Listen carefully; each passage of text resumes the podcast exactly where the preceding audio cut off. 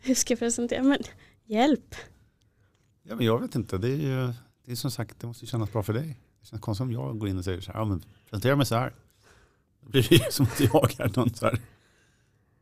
Nej men du kan väl säga, att, eh, berätta som att vi, vi känner varandra tidigare. Och vi har eh, kommit varandra närmare liksom under senare år. Eller då har vi lärt känna varandra på riktigt. Innan har vi funnits i varandras liv men i periferin under skolåren och lite sådär. Mm. Och sånt där.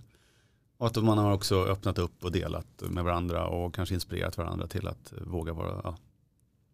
Jag vet inte, du får ju säga exakt vad du, det känns som att jag ska diktera någonting. Nej men jag tycker det var en bra idé.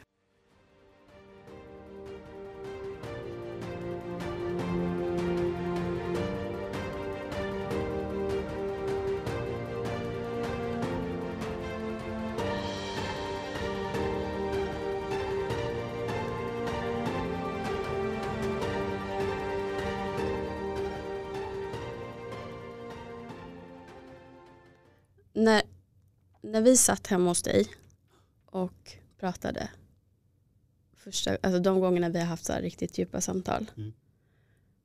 um, så är det som att jag har liksom sett, sett igenom dig. Mm. Transparent. um, men, men du har varit väldigt tydlig, medvetet eller omedvetet, uh, med att hit men inte längre. Um, sen vet jag inte exakt vad det är som har gjort att jag liksom fattade vad du pratade om redan när vi satt och jag ställde de här frågorna. Uh, och jag frågade vad är ditt värsta minne? Mm. Um, jag tyckte inte det var jättesvårt att förstå vad det var du menade, även om mm. du aldrig benämnde det. Um, jag tror att det väckte någonting i mig att det, det fanns någonting så himla sårbart och vackert där bakom men att du såg inte det. Um, och det har blivit som en, som en kamp i mig också så att jag kan inte tvinga dig att göra någonting, jag kan inte tvinga dig att se det jag ser. Det måste du få göra i din takt och mm. göra din resa. Och där har ju du nästan sett mig kanske mer än vad jag har sett mig. Jag har kanske sett dig mer än vad du har sett dig. Mm. Um, för att nu förstår jag att det är mycket av det medberoende mig som ville fixa dig. Mm. Eller säga åt dig vad du skulle göra för att fixa dig. Um, men framförallt så tycker jag att de eh, stunderna som vi har haft när du har öppnat upp har varit jätte, jättevackra. Mm. Och där så insåg jag också att om alla bara ser din yta eh, så tror man ju liksom att det här är världens mest lyckade människa. du är snygg, du är liksom framgångsrik, du, du har allting som normen säger att du ska ha. Men du tycker inte att du har någonting. Um, och jag vet inte, det är liksom, jag vet inte, jag kan bara förklara mig att det, alltså det är det vackraste jag har sett. Och därför ville jag också att alla som sitter där med sina fasader och känner precis som du ska få möjlighet att höra det. För att jag vet att ni är så otroligt många. Och därför så vill jag tidigt frö, alltså så det här fröet att du skulle vara med för att kunna nå ut till alla som sitter hemma och känner likadant. Mm. Tack. Det känns som det blev ett intro nu. ja, det kan, kan ha blivit det. Så välkommen. Ja men tack. Tack, tack. Det är det var värmande ord. Och det är alltid skönt att höra det. Fast det, är, det blir jobbigt också när man känner sig träffad. Men Och sen är det så här, du, du berör ju saker som är Alltså ytan och fasaden, den är ju så lätt att jobba på. Mm. Det är alltid så lätt att, du vet, ja, det är som att måla om huset. Måla om på framsidan och putsa putsar lite på, byter entrédörr och köper några nya spottar eller klipper gräsmattan eller något så här. Och dörren, så länge dörren är fin och fasaden är fin så kommer ju det blir ett skydd för då är det inte risken är inte så stor att det är någon som öppnar dörren. De behöver inte öppna dörren. För de ser ju att det där, kolla fint, där är ordnat, där är det redo. Och står en fin bil på framsidan. Och, du vet och det är ju lätt att göra det. Det är lätt, men det är en flykt av allting. Och så har det varit för mig hela tiden. Mm. Och så här, åh, framgång, vad är det? Ja, det är min bild har alltid varit att det har varit en karriärstege. Det har varit pengar, det har varit materiella ting. Du ska göra saker, du ska, ja, det är restauranger, du reser, du gör allt det här. För någonstans är det, det är betyget på att du är någon och du har kommit någonstans. Men egentligen har du inte kommit någon, någonstans alls. Det är det som är så du springer på i flera år och kämpar efter någonting. Sen, tills du inser att du jagar liksom din egen svans på något vis. För att du kommer aldrig uppnå det, den lyckan eller den tillfredsställelsen förrän du tar tag i saker som du har med dig i bagaget. Och det har ju varit jätte, jättejobbigt eh, att inse att att det här funkar inte. Att kommer jag fortsätta så här så kommer det inte sluta bra för mig.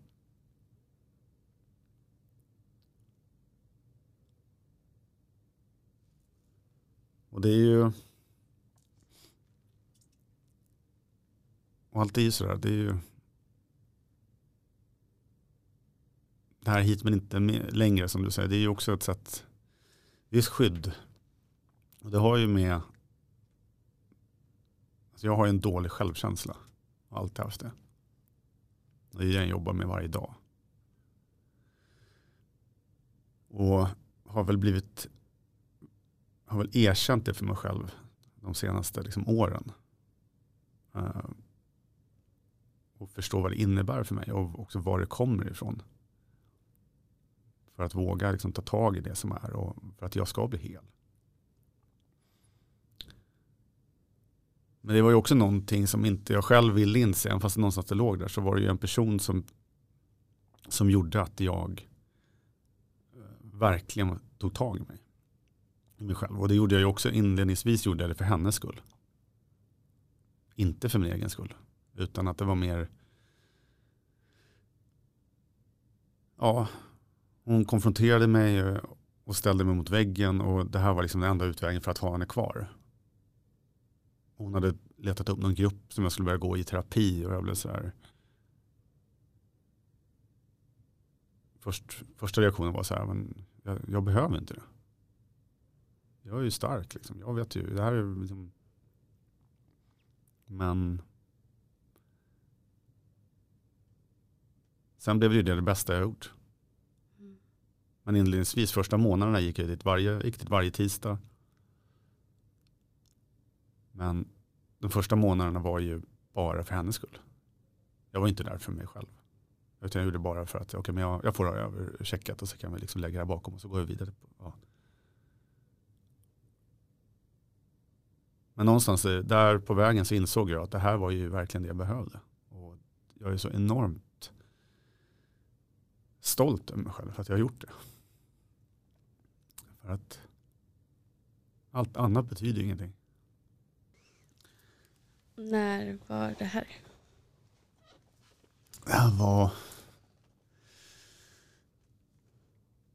april 2015. Okej. Okay. Nu börjar jag förstå. Ja. Och det var alltså en, en gruppterapi som du gick Ja, det var en gruppterapi med bara män som sitter i, en, i ett rum i en cirkel och pratar om sitt mående och sina känslor. Och du, ska, du skulle öppna upp dig och prata om, ja, du fick prata om vad du ville då, men det var ingen som brydde sig om om du pratade om vad du gjorde i helgen eller materiella ting eller ja, vad du utan där pratade alla som satt i den där ringen pratade ju om sig själva och sitt mående. Och det var ju sjukt läskigt inledningsvis. Och det var flummigt också på något vis tyckte jag. Det var liksom, man började och man gick runt ringen och man presenterade sig och berättade så här mår jag idag. Och sen fick man prata och ingen fick säga någonting, ingen fick avbryta. Och sen fick man säga tack och jag är nöjd där. Och så gick ordet vidare. Och bara den här introdelen kunde ju ta allting från en halvtimme till en och en halv timme beroende på vad den personen hade att prata om. Mm. Och vi, satt, vi var ungefär åtta åt gången som satt där. Vi satt i tre timmars sessioner. Så det var långa sessioner också. Men det var bra. Det var ju det. Alltså det var ingen stress när man var där. Mm. Telefonerna var liksom utanför rummet. Och det var, man var där, väldigt närvarande. Och där började jag gråta. För första gången. Eh, för, framför män. Och helt ohämmat gråta också. Eh, och det var så skamfullt första, första gången. Eh, när det skedde. Och det var så jobbigt att jag liksom visade mig sårbar för män. Och jag satt i min kostym och liksom satt där och trodde att det var någonting. Men där inne spelar det ingen roll. Då, för där klarar du av dig naken inifrån. Det spelar ingen roll, för där inne blev det ju, det var ju det som var så fint, för att du fick ju se människan bakom fasaden. På riktigt. Och vi var ju alla möjliga olika alltså, yrkeskategorier och bakgrunder och åldrar och allting. Men vi hade en sak gemensamt, det var att vi var män. Och att vi pratade känslor. Att vi liksom gick in och vågade börja klä av oss själva lager för lager. Och det häftigaste som hände där det var att efter första gången jag öppet visade känslor och grät där och pratade om mitt inre så fick jag så mycket alltså så mycket positiv kärlek och feedback tillbaks. Mm. Helt plötsligt så sa någon att jag blev en förebild för dem. För att jag så öppet grät och då blev det någon helt så här, vadå? Är det okej okay att det är så här? Är det okej okay att jag bara är jag? Mm. Och det var i början på någonting. Det var början på en resa som har varit så bra för mig. Och jag slutade med jag slutade med alkohol under en period, under ett års tid. Inte för att jag hade ett, en missbruksproblematik, men att jag kände att jag använde alkoholen på fel sätt. Det var ett flyktbeteende. Det var att dämpa det jag kände. Och på sikt så hade det absolut kunnat blivit ett problematik. Mm. För att just, jag använder just som en tillflykts och, och medicin på något vis. Självmedicinering på ett sätt. Alltså dämpa ångesten och känslorna.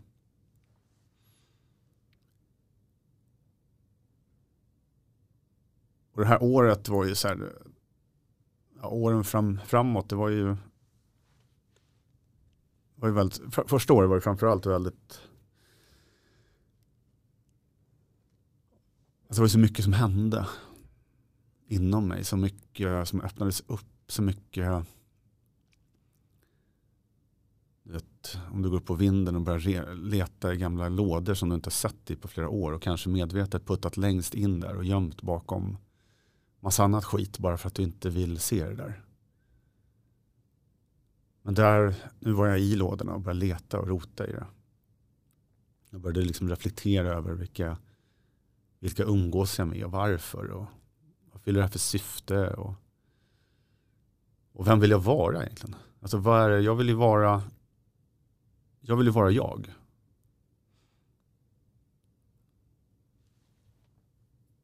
Då är det ju också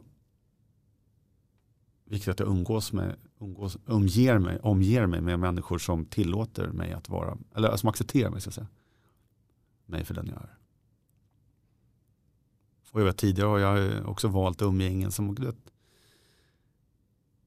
ja, men festumgänge. Eller, du vet, någon man hänger med fredag, lördag för att ja, och så är man ute med den. Eller ja, det kanske, ja men den här är lite, jag gillar inte egentligen den här personen, men jag hänger på där ändå för att ja, jag har inget annat för mig. Jag kan inte sitta hemma för det är ju, det är ju deprimerande att sitta hemma själv en fredag.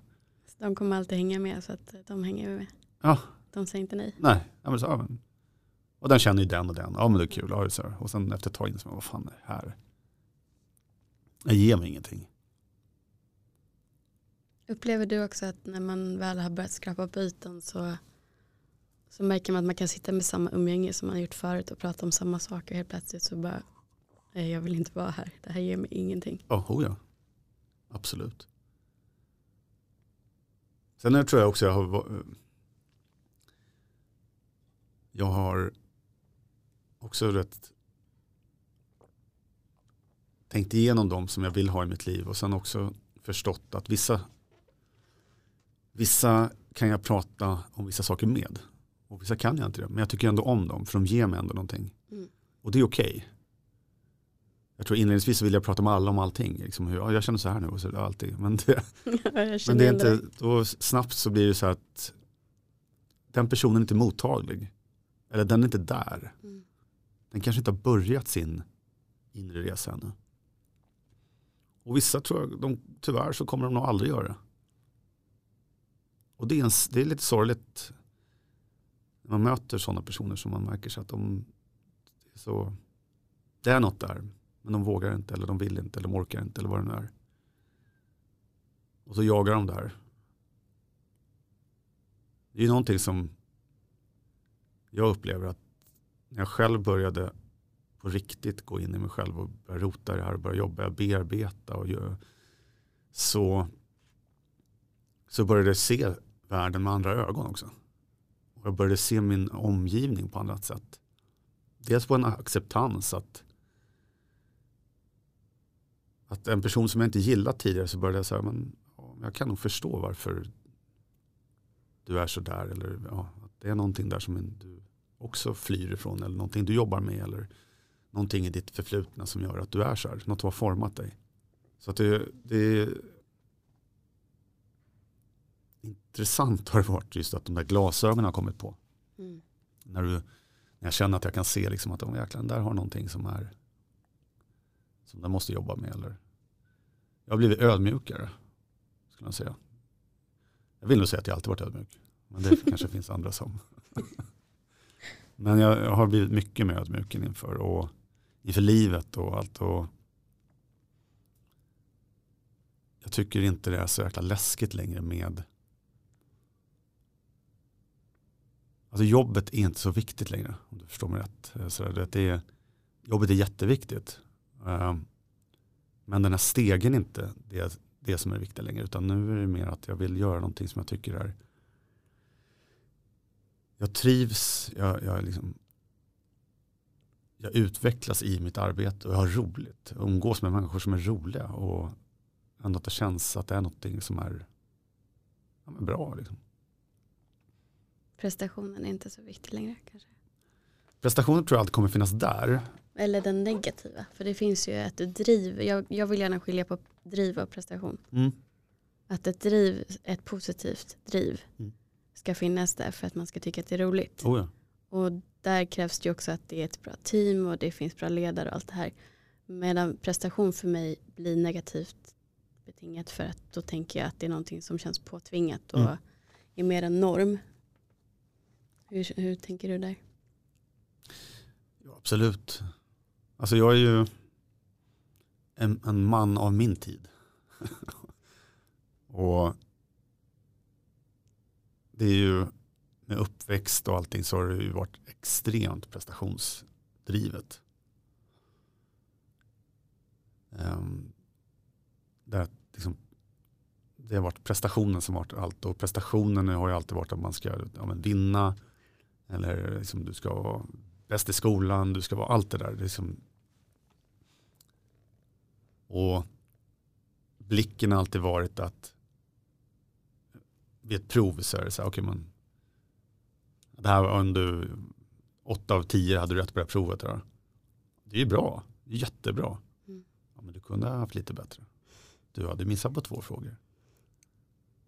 Eller att en match eh, vinner med 6-1. Eller ja, men det där bytet där du gjorde där, där du tog den där utvisningen. Eller, eller ja, du ansvarade ju för, du bröt ju inte när de kom upp på, på, på kanten och så skar de in och gjorde det där målet. Men vi vann med 6-1.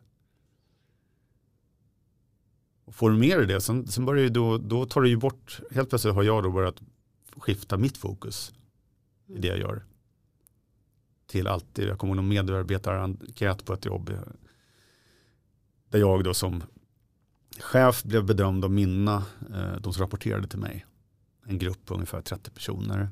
Eh, och, och jag fick 93 av 100. På en total på massa olika frågor. Då. Och min chef är jätteglad, imponerad. Alltså lyfter det där. Bara, det här är ju super, vad roligt liksom. Och jag kom på mig själv att det enda jag sitter och fokuserar på är att jag går igenom tabellerna och tittar så här, vänta nu, 78% på den här, vad, vad handlar det här om? Aha, vadå, vad 78, varför får jag 78 på den här för? Och så börjar jag leta alla de här. Och han kommer på mig i det här också. För jag säger väl någonting liksom i min, uh, han säger, men nu, nu har du ju fel fokus. Varför fokuserar du på det som är, du har ju en jättebra score. Mm. Överlag, och 78 är också jättebra. Jag har ju flera av mina medarbetare som ligger, som jag bedömer också får in de här, de har ju 50 på det här. Men fortfarande, det var inte, liksom, det var inte tillräckligt bra. Din inre kritiker var lite för högljudd där. Absolut. Och den är fortfarande det. Jag jobbar med honom varje dag på olika sätt. Jag trodde innan jag började gå i terapi att den inre kritiken var um, som alla som hade någonsin haft höga krav på mig samlat i en person. Mm.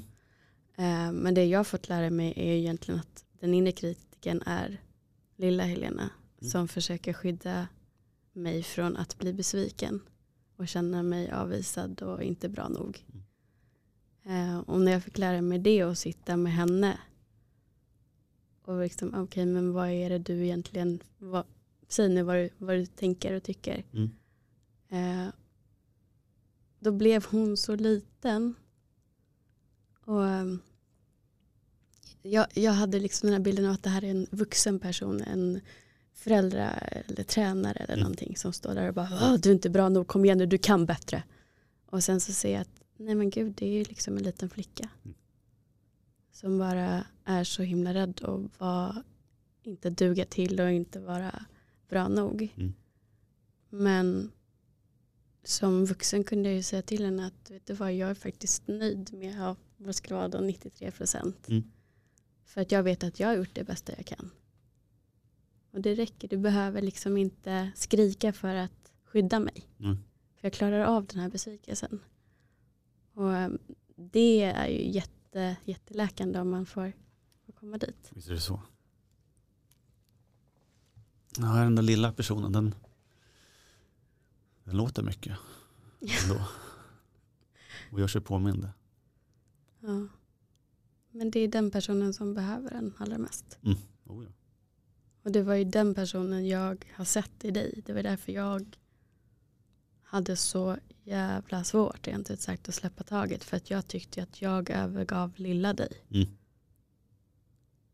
Men det är också någonting du berör som jag tror är, jag kan känna igen mig själv i att det är ju det är så lätt att skifta fokus från sig själv och fokusera på någon annan. Mm. Och det, då blir det, men det blir också då ett, då blir det ett flyktbeteende från dig själv. Ja. Det är det som blir så här, man vill väl och man ser, men då lämnar du dig själv. Mm. Och när du är i den här processen så måste du tillåta att stanna kvar i den. Så det har varit så viktigt för mig i alla fall. Att jag, jag, nu kan jag inte ta mig an andra nu. Eller det är klart jag kan, jag ska vara där och vara stöttande mot dem, det är inte det. Mm, men, det är inte samma sak. Nej, men inte vara det här äh, hela tiden vara den axeln och hela tiden liksom, ta min hand och liksom ge råd och göra det här. Utan... Våga, alltså för mig har det varit avgörande att våga känna så här att nej, det är inte mitt ansvar. Mm. Eh, du är fullt kapabel till att ta hand om dig själv. Mm. Eh, och det har aldrig varit mitt ansvar att ta hand om alla. Men jag tror att för min del så var det så, alltså någon bild jag hade från barndomen att mitt, alltså det var så man gjorde. Mm. Man tog hand om männen och man lagade dem och sen levde vi lyckliga. Jag vet nog, sen när jag insåg att det var en bild jag hade och så kunde jag göra om det. Men det var ändå lite så här, men herregud. Ja. Alltså vad, vad, vad, tror jag egentligen? Men det var så djupt rotat. Mm. Så att för mig när vi träffades så var det så, alltså det var autopilot. Mm. Liksom, jag bara gjorde det jag trodde att jag skulle göra. Och sen när jag har släppt det och känt så här, nej men gud, alltså jag känner mig så alltså så befriad. Och det känns samtidigt som alltså förmodligen väldigt skönt för, för dig och för alla som jag har försökt laga också för att jag känner inget behov av att vara på mm. er om vad ni ska göra eller vad jag tycker. Absolut, om du frågar så kan jag svara. Mm. Eller om du vill att jag ska bara lyssna så kan jag göra det. Men jag kommer inte ta på mig ansvaret att det är, alltså, att det är jag som ska fixa. Nej. Jag kan finnas där och stötta och peppa liksom. Men jag vet att du klarar dig själv. Mm. Men jag hade ju aldrig fattat att det var så om det inte du hade öppnat ögonen på mig. så tack för det. Det var det lilla. Men eh, kan vi gå tillbaka lite grann till när du var lilla du? Det var lilla jag. Ja. På riktigt? Det kan vi göra. Jag gissar att, att du, när du säger lilla jag att du vill gå tillbaka till mitt riktigt lilla jag och det som har varit en stor liksom, kamp i mitt vuxna jag. Um, och um, någonting som jag också flydde ifrån. Um, eller varit en del av min, liksom ett flyktbeteende att inte stanna upp och inte känna in och bearbeta det. Det, det har ju varit att jag, när jag var ungefär fem sex år så blev jag sexuellt utnyttjad under en period. Och det är ju någonting som jag har levt med hela mitt liv. Varit medveten om. Såklart, för att det lämnar ju, det är ingenting du glömmer. Men det är också någonting som jag aldrig har pratat om. Och burit på och tryckt ner det. Så långt liksom, som det bara går. För att det har varit så mycket skam i det. Eh, skuld. Och det var ju mitt fel. Tyckte du? Ja, då ja. Eller jag tyckte under många år för att jag försatte mig i den situationen jag litade på den här personen. Och allt det där. Men sen då, det, alltså desto mer du lägger i den här ryggsäcken, den blir ju jävligt tung till slut. Och det var väl det som hände sen, att liksom det, blir, den faller ju bara. Och jag är ju innerligt glad på ett sätt att jag, att jag föll.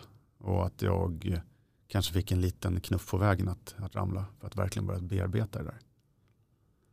För att inse liksom vilka djupa sår jag satt i mig. Och, och också att komma till den här komma fram till att det, det var inte mitt fel. Och det kan aldrig beskyllas som att det var mitt fel. Nej. Och jag behöver inte känna skam inför det. Jag behöver inte känna skuld. För att jag var bara en liten, liten, liten kille. Och det där är ingenting som ett barn ska behöva vara med om. Och just det här hur man, och det blir ju att, jag, och jag förstår ju nu liksom vilket, på annat sätt, vilket, det här med att jag har ju svårt att lita på folk eh, emellanåt. Eller det tar tid för mig. Jag kan släppa in men sen liksom, ja, jag analyserar det. Jag, jag liksom, det är inte så att jag öppnar dörren direkt. Och, I alla fall inte in i alla rum. Men du kanske kommer in i hallen. Och, och det har också följt mig i relationer. Att jag har haft svårt att verkligen så här, jag har inte kunnat, jag har inte vågat vara 100% där. För att om jag öppnar den där dörren och verkligen visar och berättar vad jag varit med om. Så kommer du döma mig. Och så kommer du du kommer inte vilja ha mig. För att ja, men, jag har ju varit med om det där och jag är liksom skadad, skadat gods på något vis. Och det har ju också bidragit till att jag när liksom en relation har dragit igång efter ett tag så börjar jag bli livrädd. För att nu börjar, börjar vi komma väldigt nära. Och så sticker jag. Eller jag beter mig på ett sätt som gör att du vill sticka.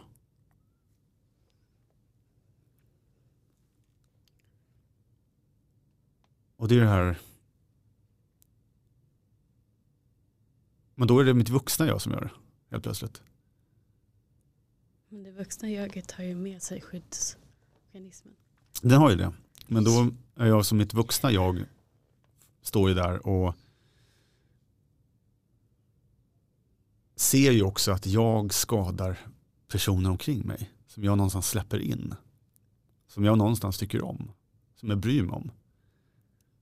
Var, vad är det du tror att du ska, alltså vad är det du menar med att du skadar? Men på sättet jag beter mig. Okay. Att jag inte öppnar upp. Att jag inte är helt ärlig i de situationerna. Att jag flyr. Och den personen blir lämnad kvar och inte förstår någonting.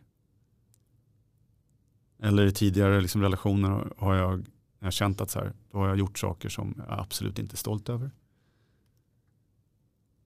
För att jag ska få en anledning att nu har jag gjort det här, då kan vi inte vara kvar längre. Och då är jag där som vuxen med dem. För jag har ju fortfarande känslor och empati och jag vet ju vad jag har gjort. Och sen har jag gjort det. Jag har skadat någon medvetet. Fast det är inte det egentligen ett självskadebeteende. Det är det det är. Men det är jävligt jobbigt att stå där. Och så känner jag mig ännu sämre.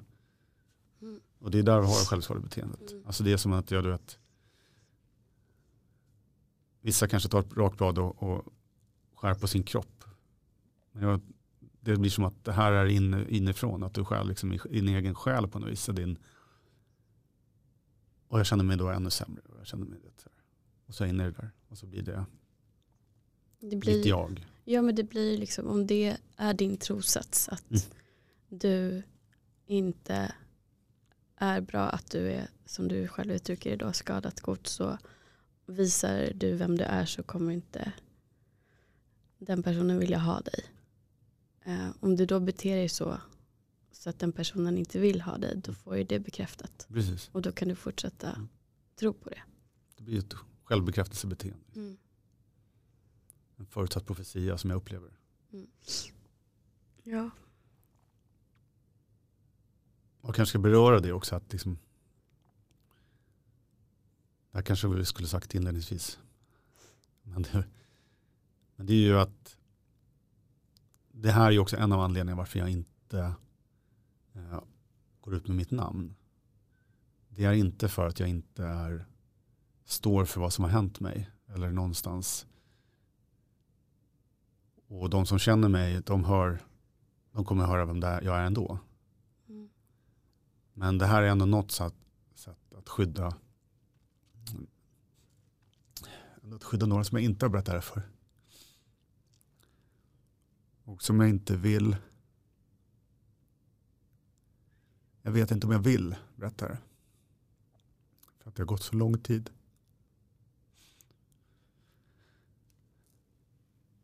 Och jag vill inte ge dem skulden.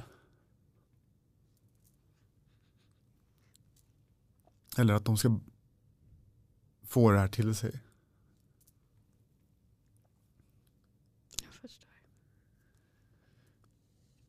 Fast du vet ju inte hur de kommer ta heller. Nej jag vet inte, absolut inte. Men jag vill inte. Alltså det är så här, jag känner, och det kanske förändras. Men som jag känner nu så är det att jag är så lycklig över att ha dem i mitt liv. Och den relationen vi har. Och alltså jag älskar dem så mycket. Och det här är mitt sätt kanske att skydda dem. Och jag vet ju också, vilket är enormt smärtsamt del, att, att vi vi är i ett skede i livet där, där verkligheten är ju att vi har ju begränsad kvar tillsammans.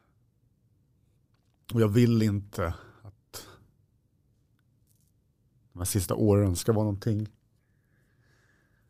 där de måste jobba med, eller alltså, jobba med någon inre kamp i vad de hade gjort eller gjort fel eller vad som kunde ha hänt. Eller vad, och att jag vill bara att vi ska fokusera tillsammans på det som det vi har. Och det som, för det är någonting som är så väldigt fint.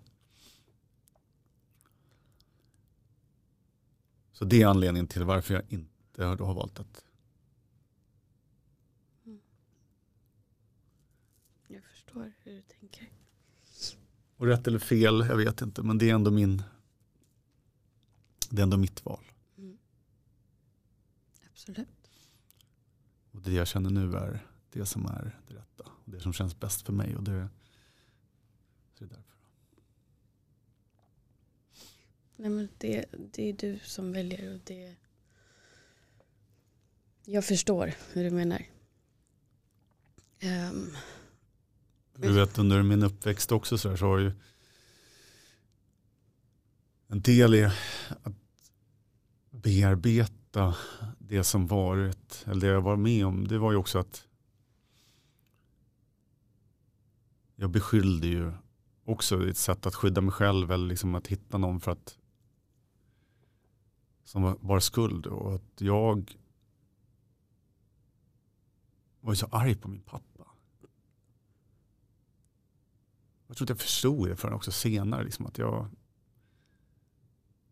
liksom när jag var upp mot 20, jag var, jag var så arg på honom ibland. Och jag fattade inte varför. Men till, till slut så insåg jag att liksom jag, jag, var ju, jag liksom var ju arg på honom för att inte han var där och skyddade mig. Men han har ju ingenting med det här att göra. Alltså så. Men jag var ju arg på honom. Och han märkte ju av att jag var arg på honom. Och jag tror han var väl lika frågande liksom. Som jag på ett sätt varför jag var arg på honom. Det är ju så för att när vi är med om, om någonting traumatiskt som, som barn då det finns liksom en, en inpräntad tro om att de, de ska vara där, de ska skydda oss fast det, den är inte realistisk för att det de inte ser och det de inte vet om hur ska de kunna göra Nej. det. Och men samtidigt tror jag att vi måste faktiskt få accepterande mot det lilla barnet som faktiskt blir arg och tänker fan varför skyddar du inte mig? Mm. Mm. För att ja, det är klart man tänker så. Sen kan ju liksom vuxen jag säga att ja men det, det gick inte. Men att också känna att det är okej att känna så. Mm. Ja. Jag vet ju, liksom, du vet, när vi ändå sitter här och pratar om det ämnet som vi gör och att jag är man och allt det där också så blir det ju det blir det här också ja, men, man ska vara stark. Knyt, fickan, äh, knyt handen i fickan.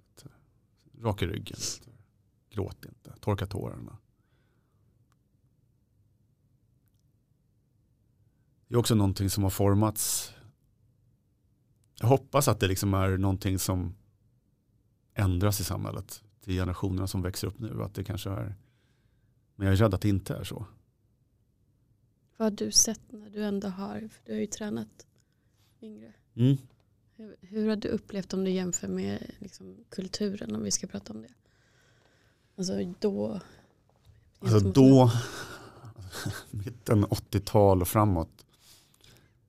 Så när jag tittar tillbaka nu så, alltså, jag, jag, alltså det kanske är fel, men jag, jag, ja, jag skrattar nästan lite grann. Alltså det, är något, det blir nästan lite komiskt över det. För att någonstans var det ju vuxna som var där. Men på sättet som vissa var och acceptansen från andra vuxna som måste ha sett det här förvånar mig så starkt idag. För jag tänker ju att de var ju också tänkande individer och det är inte så att vi har blivit smartare än den generationen på, alltså i alla fall på det här med empati hoppas jag, eller, liksom, eller att man ser vad som är rätt och fel. Det, rätt och fel har ju alltid funnits, existerat. Mm. Men att den här machokulturen liksom, och allt det här att det är så här, oh. Upp och hoppa, inte gråta. Ja men allt det här liksom, gnäll inte upp med dig, så här, mm. torka tårarna. Uh, liksom, kom igen nu, bit ihop. Nu. Stora pojken. Ja men allt det där liksom. Mm. Och också språk, hur man använder och jag tyckte det var enormt det var viktigt för mig och jag var väldigt stolt över den tiden jag var i ett tränare för ett eh, gäng småkillar. Och vi som tränar tränarstab där hade, hade en sån fint synsätt på hur vi ville leda de här smågrabbarna. Det var jag enormt stolt över. Att, liksom en, att, att alla hade den delade synen. Liksom till att inga, liksom, språket är jätteviktigt. Liksom du, du, du använder inget könsord, du svär inte. Liksom, du håller en respekt emot, både mot dem du möter men inne i omklädningsrummet. Du ska vara en schysst kompis. Och liksom hela tiden var inne och jobbade med det där i gruppen. Att vi, och vi lämnade dem aldrig ensamma i omklädningsrummet. Liksom, vi var där, för i tidig ålder, det är där saker och ting gror. Det är där du börjar, liksom, rötterna börjar sätta sig. Och så fort du har fått ett rotsystem, då blir det svårt att, liksom, för då, är det, då har du liksom börjat anamma ett sätt att vara. Och det här pojkar är alltid pojkar. Alltså det är så här jäkla konstigt uttryck. Alltså att barn kan vara barn, absolut. Det, det, det kan jag stå bakom. Men, så här, men pojkar är pojkar, att det accepterar ett beteende på ett sätt bara för att man är av ett visst kön. Ja men det är klart, då får du ju med dig det resten av livet. Då kommer du in i högstadiet när du börjar bli intresserad för en tjej eller en kille eller vad det nu kan vara. Men att du börjar och då börjar det bli accepterat att liksom, ja, men pojkar är pojkar. Att, men då, då, det är klart, då kan man säga hur som helst, bete sig hur som helst. Man kanske kan ta sig rättigheter som du inte alls har en rättighet för. Och så sopas det undan med att ja, men pojkar är pojkar. Ja men inte så farligt, du vet i den här åldern. Du, man är lite nyfiken. Du vet. Mm. Ja, men det är klart man är nyfiken, men det berättar inte det att göra vad som helst. Och sen då har du det mer från mellanstadiet upp i gymnasiet och sen liksom upp i vuxen. Men det är klart det blir, det är klart det blir fel. Mm. Har du sett Björnstad? Jaha. Ja det har jag gjort. Jag tyckte den var väldigt, väldigt realistisk. Ja, jag visste inte riktigt vad jag gav mig in på när jag började titta på den. Nej, nej. Jag tänkte, åh vad kul med hockey. Mm. Eh, och sen, det är superkul med hockey. ja, det är ju det. Um, jag hade inte läst på vad den handlade om. Nej. Riktigt. Så det blev ett litet slag i magen där. Ja, ja. Um, men samtidigt så tycker jag att den är väldigt, väldigt viktig. För det blir verkligen så här upp i ansiktet. Bara, det här är verkligheten. Mm det är fortfarande så. Att den var, jag, jag håller med dig i den, den, att den är jätteviktig, det de berör. Det de tar upp och att de belyser det. Det är just, eh, det sker. Och just där vad du ger, den, där är det ju liksom att där är ju vuxna som accepterar ett beteende som ingen, det är, alltså det, det, det är, inte, det är inte okej okay någonstans. Men bara för att den här personen då är framgångsrik eller viktig på det sättet. Så är det, och det är ju det vi ser i samhället överlag också. Att vissa kommer undan med saker på grund av en position eller makt eller vad de är eller vad de har presterat. Men du glömmer liksom då, då är vi där, då tittar du på fasaden, du tittar inte bakom fasaden. Så det, det där tycker jag det berör en. Sen ska vi inte recensera några serier här. Men, men den, eh, jag tycker den är, eh, ja, som hockeyspelare så blir den lite, det kanske är träffbar. Jag kanske blir, tycker inte den är bra för att den träffar kanske för mycket också. Eller att jag känner igen mig i saker som jag kanske blir påmind. Det är kanske är därför jag inte tycker om den. Men, ja. Kanske. Ja. Men det är ju det där macho. Alltså det jag tycker att den, att, eh, som jag var inne på, jag hoppas att generationerna, men jag är rädd att det inte är så, men det jag inte tycker, det jag är, jag ser i min generation, det är så starkt rotat, det manliga macho. Att liksom och jag tycker det har varit jätte, jättejobbigt. Hela min uppväxt har varit, jag har haft eh, enorma kroppskomplex. Eh, under högstadiet hade jag alltid långbrallor på mig för jag ville inte visa benen. Eh, för att de var smala. Ja men, det, men jättemycket. Vet, jag, för jag, alltså, och som Han har liten grabb. ben. som, Just by the way. Jag blev lite chockad nu. Ja, ja, men, Eh, det som, som liten grabb, alltså när du växer upp, då är ju kropparna är ju på olika sätt. Det är helt normalt. Men där och då är det jättejobbigt. För att den inprintade bilden av en man, det är ju att du är, ja, du är närmare två meter i alla fall. 190 i alla fall. Du är ju extremt muskulös. Av naturen? Ja, ja, men det är ju bara sånt du föds till. men, eh, ja, men du är välklädd, du är framgångsrik, du, allt det där liksom. Men det är också så att man tittar tillbaka, det var ju det man var. Dels blev du matad med det idealet från, från dåtidens media också, alltså titta filmer. Titta alla superhjältar som under den perioden. Ja, de var ju, de var ju vältränade, snygga och framgångsrika allihopa och kunde ju rätt slå ner en hel armé på 22 grabbar som kom emot en. Helt själva. Ja, helt själva, borsta av. Och då, då förstärks den här ett stark. Också det här ensam är stark som också är ett jävligt konstigt uttryck. Ensam är inte stark, ensam är bara ensam. Mm. Liksom, det har ingenting med... Och, och det har ju förföljt, det har förföljt mig jättemycket. Liksom, hela det här. Och, och även liksom, du vet, i vuxen ålder. Jag hade inte t-shirt på mig. Under t-shirt har jag börjat med de senaste tio åren. Och jag har väl någonstans här, nu är jag bekväm med mig själv så pass att, eh, att jag bär t-shirt ute offentligt. Men annars så har jag aldrig haft t-shirt. Långärmade t-shirtar men inte en kortärmad t-shirt. Eller piké eller någonting. Så. Skjorta som jag viker upp för att liksom, jag vill inte visa mina armar. Och, så att jättekomplex för min kropp har jag haft i alla år. Och fortfarande har det många gånger. Det här känns jättekonstigt för att alltså när jag var som, när vi precis hade träffats så tyckte jag att gud, alltså han är så perfekt så jag måste också vara det. För annars kommer inte han acceptera mig eller vilja ha mig. Och sen sitter du och pratar om sånt här. Det blir så mm. mindfuck i mitt huvud. Även om jag nu ändå liksom är på en plats där jag kan verkligen så förstå. Mm. Men jag tror att det är jättevanligt också bland oss kvinnor att vi möter en, en person som har just den här fasaden. Och man fattar liksom inte att du är, du är lika osäker som, ja. som jag. Och du vet, finns det du och finns det jag så finns det 10 000 där ute också. Exakt. Som går runt med exakt samma saker. Mm. Och det är väl därför också så att jag tackar ja till något sånt här egentligen. Det är just för att jag, det är ju, alltså samhället, förstår vad det här samhället skulle vara fint. Eller finare, för vi har ett fint samhälle på många sätt. Men om vi just släppte fasaden och att personer jobbar med sig själva och vågar. Mm. Terapi, att det inte är något. Det känns som att det ändå, jag vet inte, nu kanske jag är skadad eftersom jag har gått i terapi nu så många år. Men det känns som att det är mer accepterat nu. Man pratar om det. Förut var det mer hysch-hysch kring det. Men jag tycker fortfarande det finns en barriär kring det.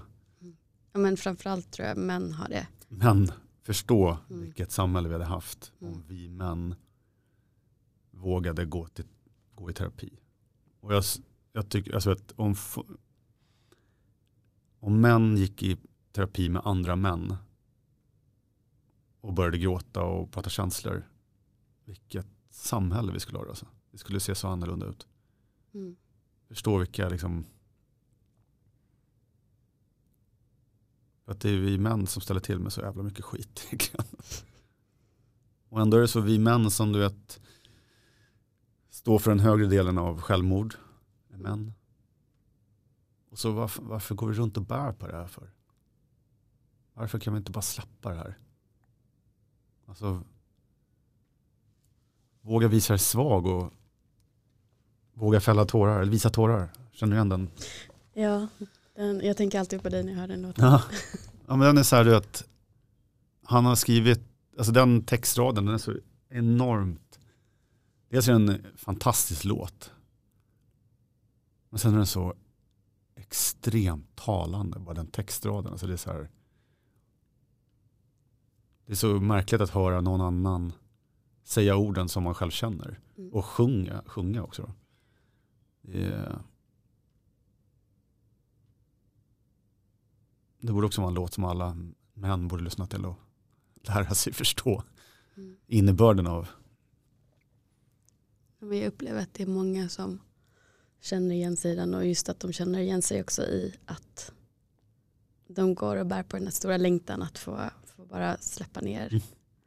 Garden och bara vara sig själva. Mm.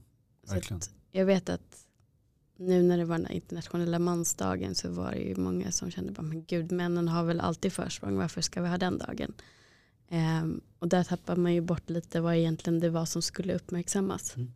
Och det var ju just det att självmordsstatistiken visar väldigt tydligt att det är majoritet män som mår dåligt. Mm. Och det är ju då främst för att de håller tillbaka för mycket. Mm. De får inte lära sig hur, eller ni får inte lära er hur ni ska hantera känslor. Eh, eller prata om saker, inga utlopp för känslor eller ja, överhuvudtaget mm. hanteringen av mm. känslor. Eh, och därför behövdes den dagen för att uppmärksamma att eh, vi behöver prata om det här mer och vi behöver göra mer om det. Mm. För att i och med att det också är så att män har en högre position i samhället så blir det ju ännu mer skada om de inte mår bra. Så jag tänker om vi kan tänka så istället så, så tror jag att många kvinnor också kan liksom förstå vad det är som är viktigt. Och jag försöker ju alltid belysa i den här podden att vi är alla människor först och främst. Mm. Och vi människor behöver hitta sätt att må bra. Och där är också dela med oss av det som är jobbigt för att som du säger det är ju tusentals som sitter och känner likadant som jag och tusentals som känner likadant som du. Så med de här orden så kanske vi ändå kan så frön eller mm. ja, att fler börjar prata. Om det. Det, vore, det är väl en, som jag skrev till dig i veckan här, att inför det här så har det, ju, det har varit om det gått lite upp och ner känslomässigt för mig. Eh, jag kommer ganska nyligen nu från en, en, en period där jag har haft eh, lite tufft liksom, eh, med mig själv och mått lite dåligt. Och bearbetat det. Eh, och så inför det här visste jag att nu ska jag sitta här och prata med mig själv. Och då kommer det upp det här igen, du vet, med att vem vill lyssna på mig och vad har jag att säga som någon liksom vill, kan ta till sig. Och Samtidigt som det är smickrande att du bjuder in och vill ha mig här för att du tror att jag har någonting att säga. Vet. Ja. Men det är ju också därför jag ändå sitter här för att det är ju Alltså är det en som kan ta till sig eller att det är någon som är en person så är det alltså gott nog. Som kan känna igen, spegla sig eller bara höra att okay, det finns fler. För att det är ju, som du säger, så är det nog bra att vi, självklart ska vi jobba för eh, rättigheterna för varandra. Och det ska vara lika. Men att vi inte glömmer bort att vi är människor också. Och du har ju en jättebra poäng där. Och det var bra att du sa det och inte kom från mig. Just det där att det är ju, eh, det är ju så att många män sitter på väldigt höga positioner med mycket makt och, mycket, och med, ett, med ett självskadebeteende eller ett beteende som inte är okej. Okay, så blir ju det en påverkan som är så enorm för ett helt samhälle. Oavsett kön. Och det är ju där som är att det är bra att belysa, att liksom börja jobba med att den dagen är ju bra att belysa just psykisk ohälsa. Att belysa för män att, det, att jobba med sig själv, att våga att göra det. För att det gynnar alla. Mm. Samma sak som att vi alla jobbar för att då kvinnor ska ha samma rättigheter på olika sätt. Det gynnar alla och därför ska vi också jobba med båda könen på olika sätt. Mm. Alltså med människorna. Det tror jag är jätteviktigt. Och också tänker jag att jag vill att vi tänker mer att vi också alla är individer och liksom alla som är av samma kön är absolut inte likadana och har inte samma behov. Mm. Um, likadant också när vi pratar i skolor och det behövs ju fler människor som kommer ut och föreläser. Att man har en variation där bland personer som kommer ut och når ut. Så att alla har möjlighet att känna igen sig. Mm. För just den här igenkänningsfaktorn upplever jag den responsen jag fått under säsongen. För nu är det här sista avsnittet för säsongen. Oj, okay. um, ehm, och det har ändå varit ett 30-tal avsnitt mm. som har belyst då, eh, ja, både kvinnor och män. Och vissa saker som gäller båda. Eh, men den responsen jag har fått är jag märker att det berör mest när folk känner igen sig. Mm just den här känslan, åh gud jag är inte ensam. Mm. Det är någon som du också sa förut, att det är någon som sätter ord på mina tankar och mina känslor.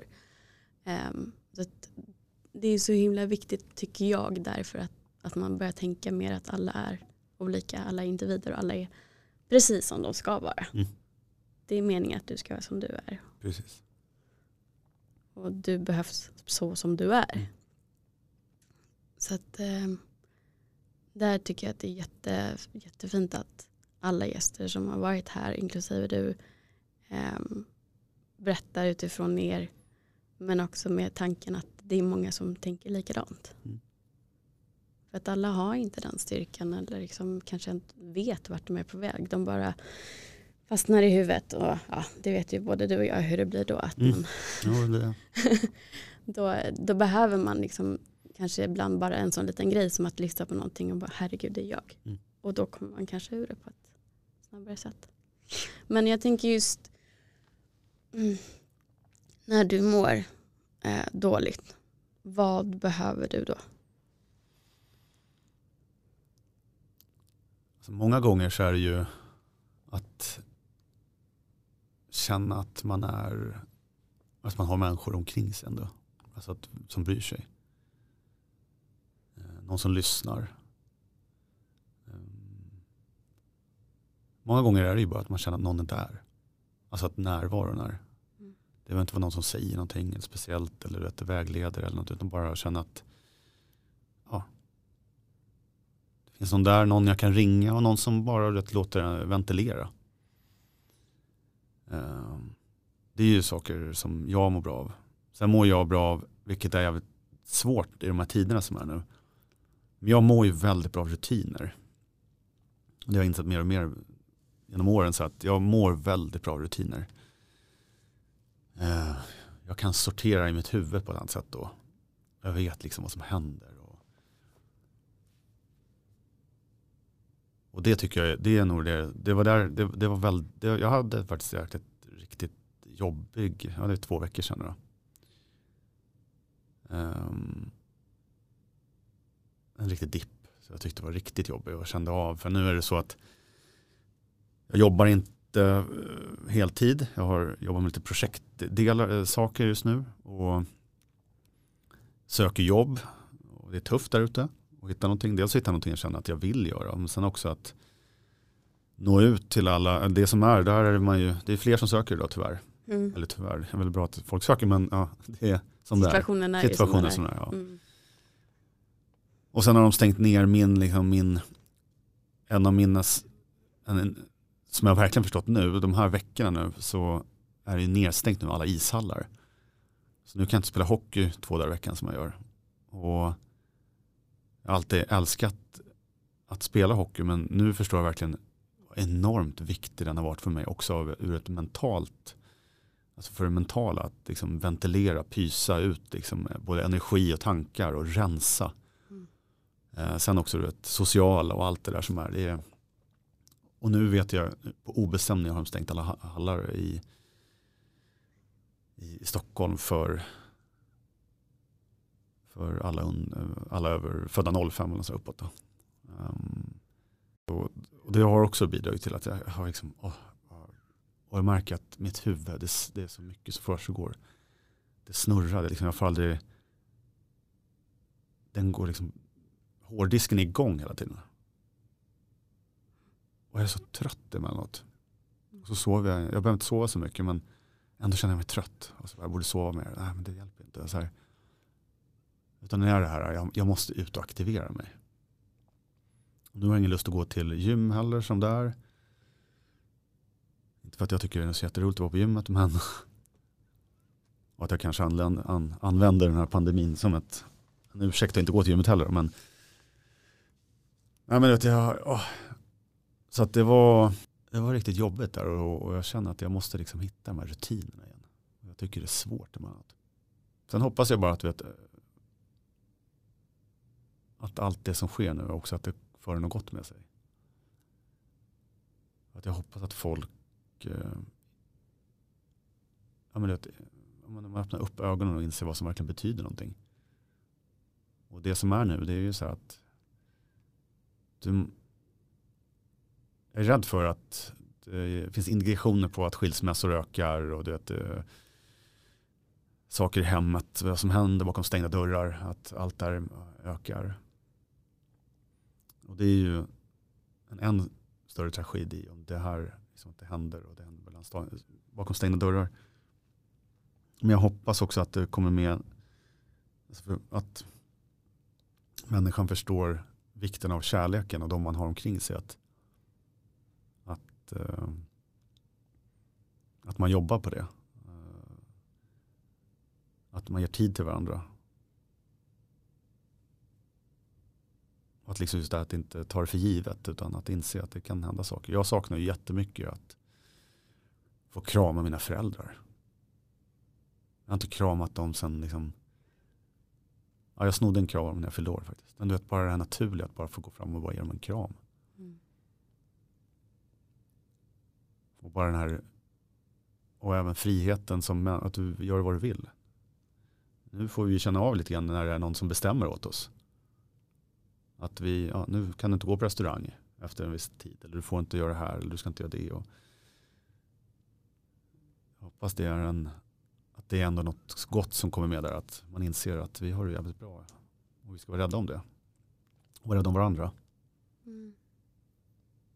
Jag tror man måste Kanske gå tillbaka till allt som vi har vant oss av att göra idag har vi inte alltid kunnat göra heller. Precis. Så jag fattar att det är jättetungt. Ehm, men jag är någon slags evig optimist och att vi liksom hela tiden hittar alternativ. Mm. Ehm, jag hade det på min Instagram på bakom fasaden podden lite så här, ja, men kan alla dela med sig av vad gör ni för att må bra just nu? Mm. Um, och det var ju väldigt många som skrev att de gick ut i naturen och mm. sådana saker. Um, men också att man behöver ju inte gå till gymmet till exempel. Uh, och gör man det så kan man göra som jag om man är ett morgonpigg, gå mm. tidigt när det inte är någon annan där. Um, men också utmana sig att vad är det för någonting som du har tänkt så, men jag gör det, jag gör det och så bara skjuter du på det. Mm. Uh, eller att du tycker att det är jobbigt um, till exempel lära italienska men du har alltid velat lära mm, italienska. Mm. Ja, men vad, vad finns det, när finns det någonsin bättre tid att göra det än nu? Oh, ja. Alltså när man försöker acceptera att ja det är jättejobbigt just nu och det får det vara. Mm. Men vad kan jag göra för att i alla fall lyfta upp mig själv lite grann. Och där är också igen individen. Det går inte att säga vad, vad alla ska göra. Men det är ju, alltså, jag tycker ändå, jag har nu låter det kanske fel ordval så, men jag har uppskattat den tiden som har getts nu. Mm. På många sätt. För att jag har fått väldigt mycket tid att bara vara med mig själv. Som har varit väldigt nyttigt att fortsätta det. För nu har jag, nu har jag varit i en period när jag inte gått i terapi. Och det har varit utmanande att ha mycket tid bara med mig själv. Men det har också varit väldigt nyttigt för mig att, att, att ge mig den tiden. Och jag kom på mig själv att jag blir stressad ibland. Liksom, eller att jag känner att jag får dåligt samvete för att jag inte gör någonting med tiden. Jag hade det här samtalet senast igår. Att jag, jag, jag får dåligt samvete ibland. Men det är ju så här. Det är ju helt okej. Okay. Alltså vem ska du göra? Och du, gör ju, du är ju med dig själv. Och det är ju jättebra tid att ge, ge dig den tiden. Och bara vara, för den tiden, om två, tre år så rinner det här hjulet igen. Mm. Då kanske du jobbar åtta till fem igen och du är igång med allt. Så, här. så ser det här som ett privilegium och det är det jag försöker liksom påminna mig själv om. Att det här är, också som du är inne på, det här är en tid att prova saker och göra saker som du kanske inte normalt sett skulle göra annars. Och det har jag också gjort den här perioden. Vilket varit jätteroligt. Vad, kan du ge exempel? Nej, men jag har väl någonstans du vet, haft en förlegad dröm som jag inte heller vågat in, in, intala mig själv. Um, också lite tragiskt på ett sätt. För jag, där har det ju någonting med att ett, ett, ett dålig självinsikt och att jag inte tror på mig själv. Att jag aldrig har vågat. Men nu har jag kommit dit att jag vågar. Så det är jag också stolt över. Det betyder mycket för mig att jag har gjort det.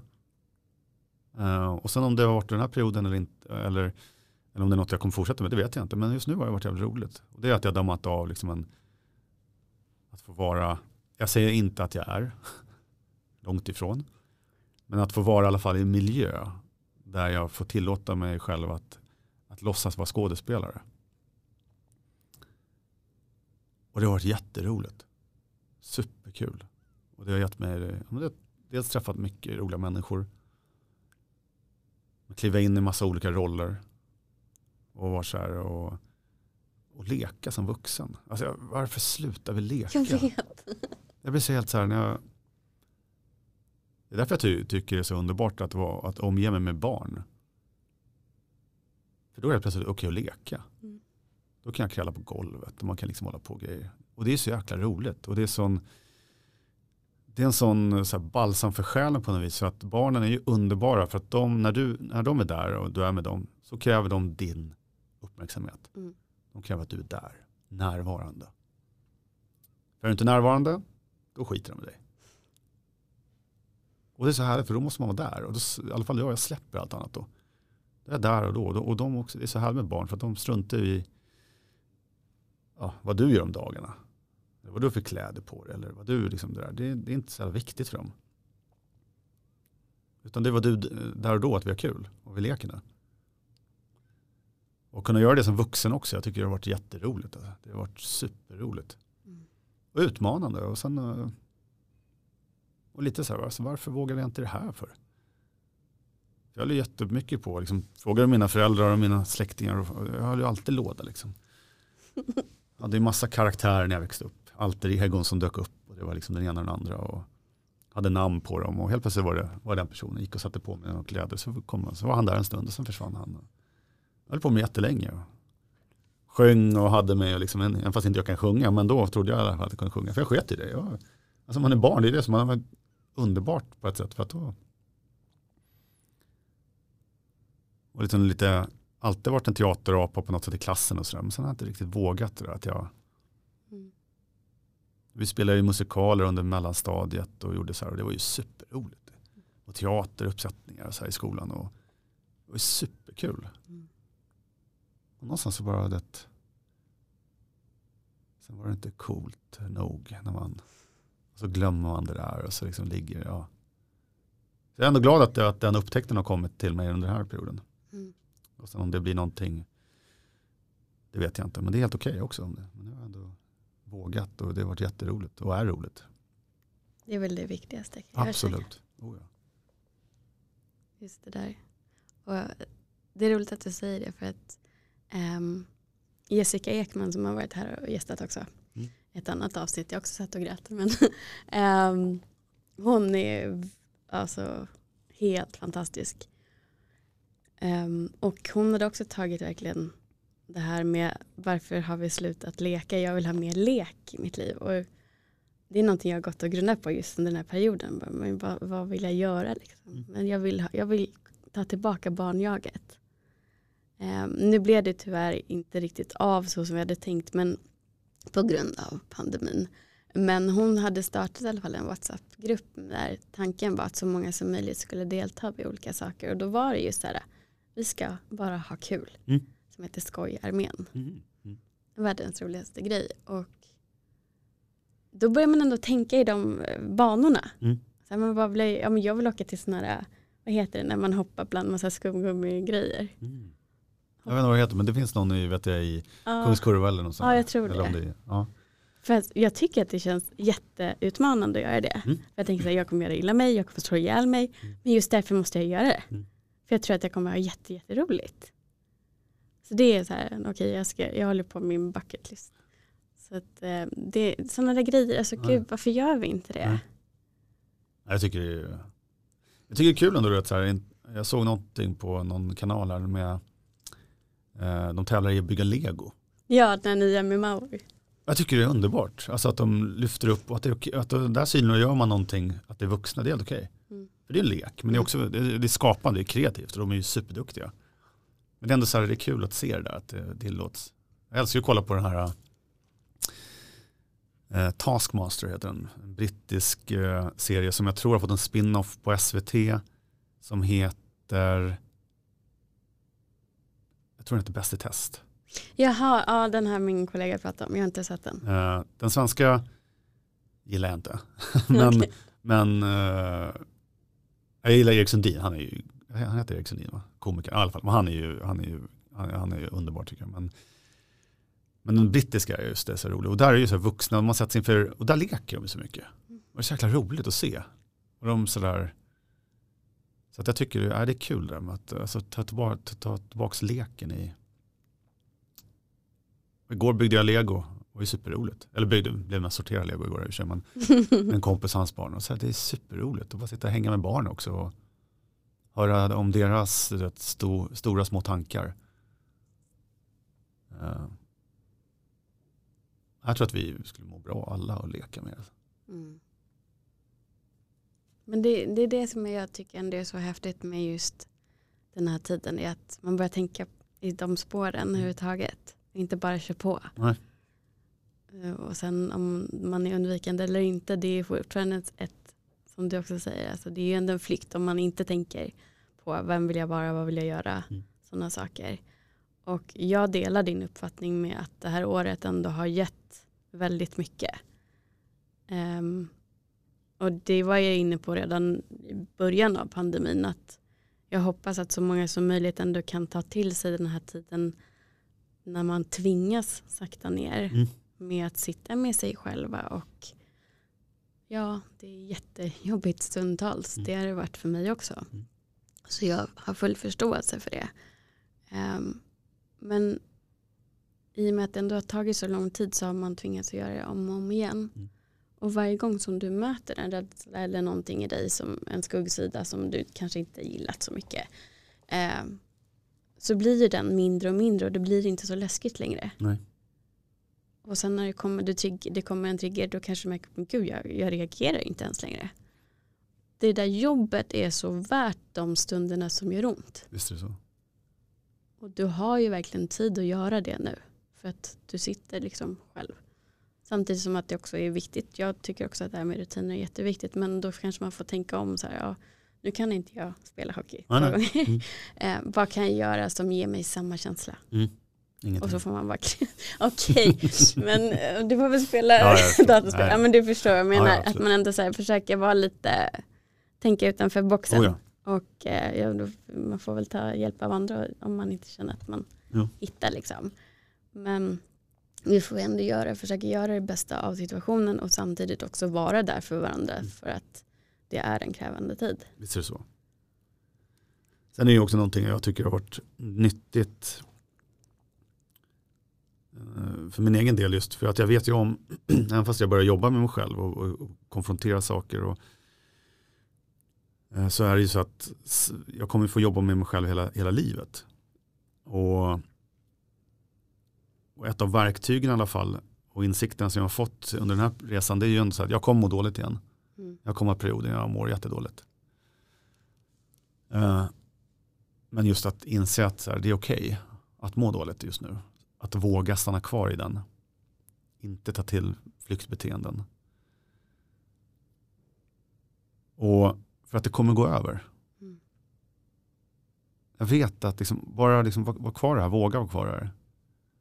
Och våga känna efter, liksom, vad är det som är jobbigt då? Vad, är det som, vad, är, vad säger ditt inre? Vad säger kroppen? Hur reagerar du? Hur mår du?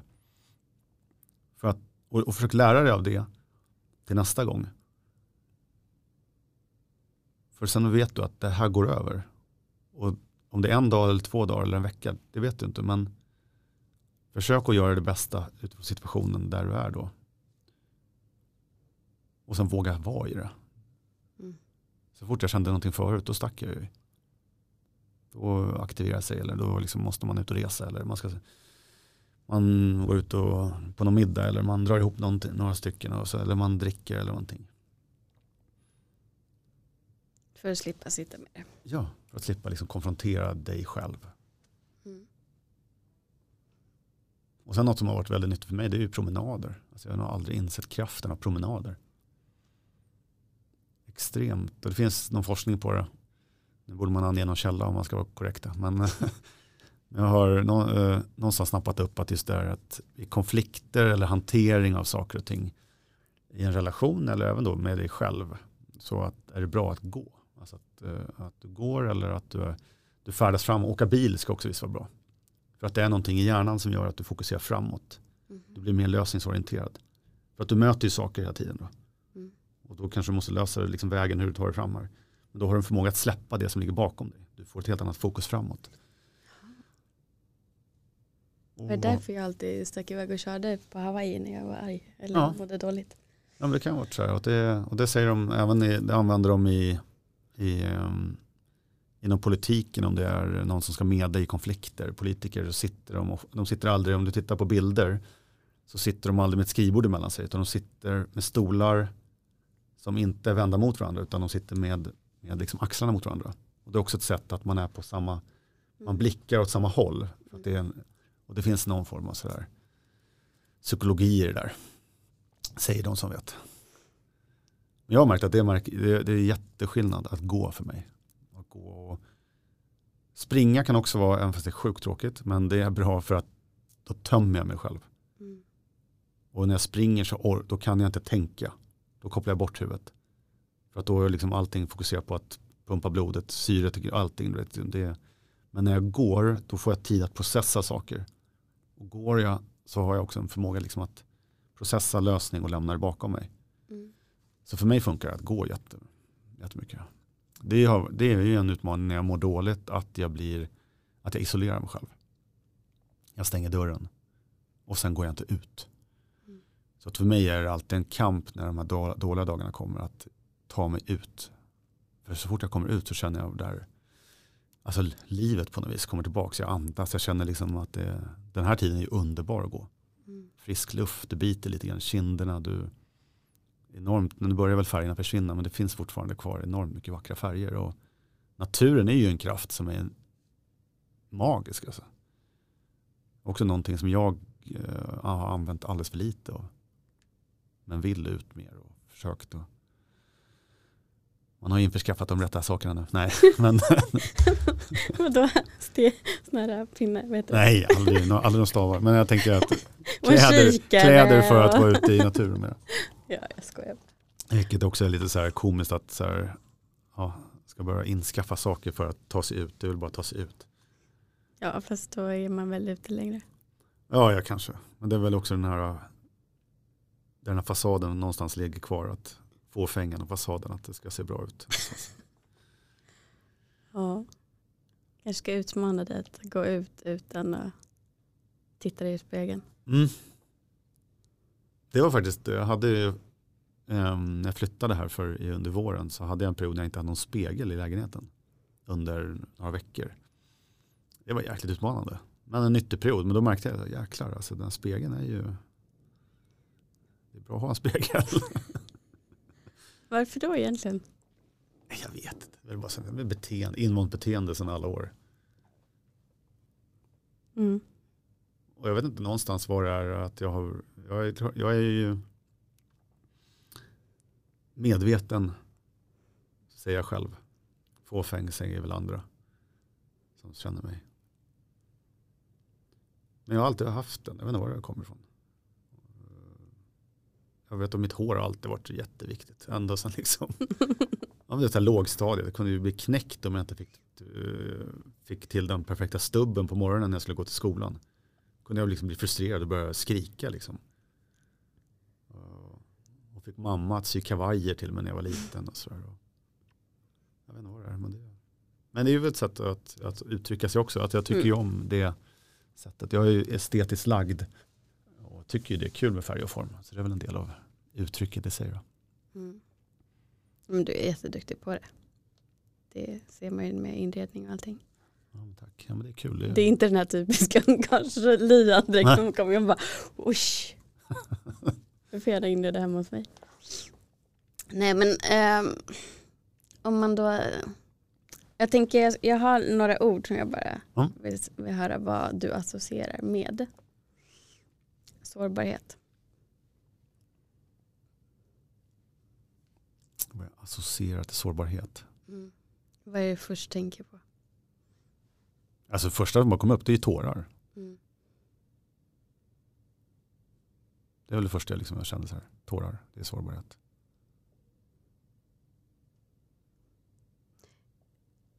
Om jag utmanar dig med att tänka att det inte behöver vara någonting som gör ont. Mm. Vad känner du då? Nej, men jag, alltså sårbarhet eller, eller sorg uh, har ju alltid varit väldigt läskigt. Mm. Varit någonting som jag inte vill kännas av. Inte vill, uh, för det gör ont och det är liksom ja, men det, är, det är läskigt det, sårbarhet. Eller sorg. Men jag vill ändå se, alltså nu tror jag, alltså min, det har, har väl med min mognad att göra. Att man blir mogen när man närmar sig 40 väl, kan man ju diskutera i ett annat program. Men alltså, sorg och sårbarhet är ju någonting som är numera någonting väldigt positivt för mig. För då betyder det att det är något som betyder någonting. Alltså det, det, är, det är kärlek för mig. För jag hade också den diskussionen igår tror jag, eller häromdagen med en som hade gått in i kyrkan och sprungit in och kommit in på en begravning. Och första reaktionen var så här, oh shit, nej, nu måste jag ta tag i det här. Eller det här var inte det jag ville ha, för jag ville gå in och ladda lite grann och få liksom ro. Och då blev det jobbigt. Men beslutet var kvar och det vände till att det var någonting väldigt fint. Och att det blev styrka utifrån det.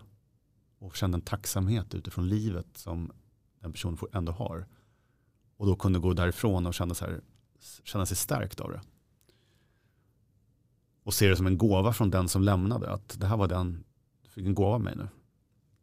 Och tacksam för livet. Och då pratade vi om det och då sa jag också det, att just nu, jag är jätterädd för, eller rädd, jag, jag, är rädd, jag är rädd absolut för den dagen då personer som är väldigt nära mig kommer lämna. Och den vill jag inte ska komma nu. Eller jag vill aldrig att den ska komma så länge jag lever egentligen. Men så är ju livet. Men sorgen är ju ett tecken på att jag är människa. Mm. Sorgen är ett tecken på att jag älskar och att jag bryr mig om någonting. Så sorgen är ju ett kvitto på det. Att jag har älskat. Och då är det någonting jag ska vara, hålla hårt i. Även i sorgen. För det är någonting som är fint. Så att min bild av sorgen och liksom sårbarheten har ändrats jättemycket. Var det svar på ja. din fråga? Okej, nummer två. Ilska. Alltså vad associerar till, det jag får direkt till mig det är ju skrik. Alltså att, att någon, liksom är, någon skriker, någon liksom, höga röster i ilska för mig. När, liksom, när du säger det.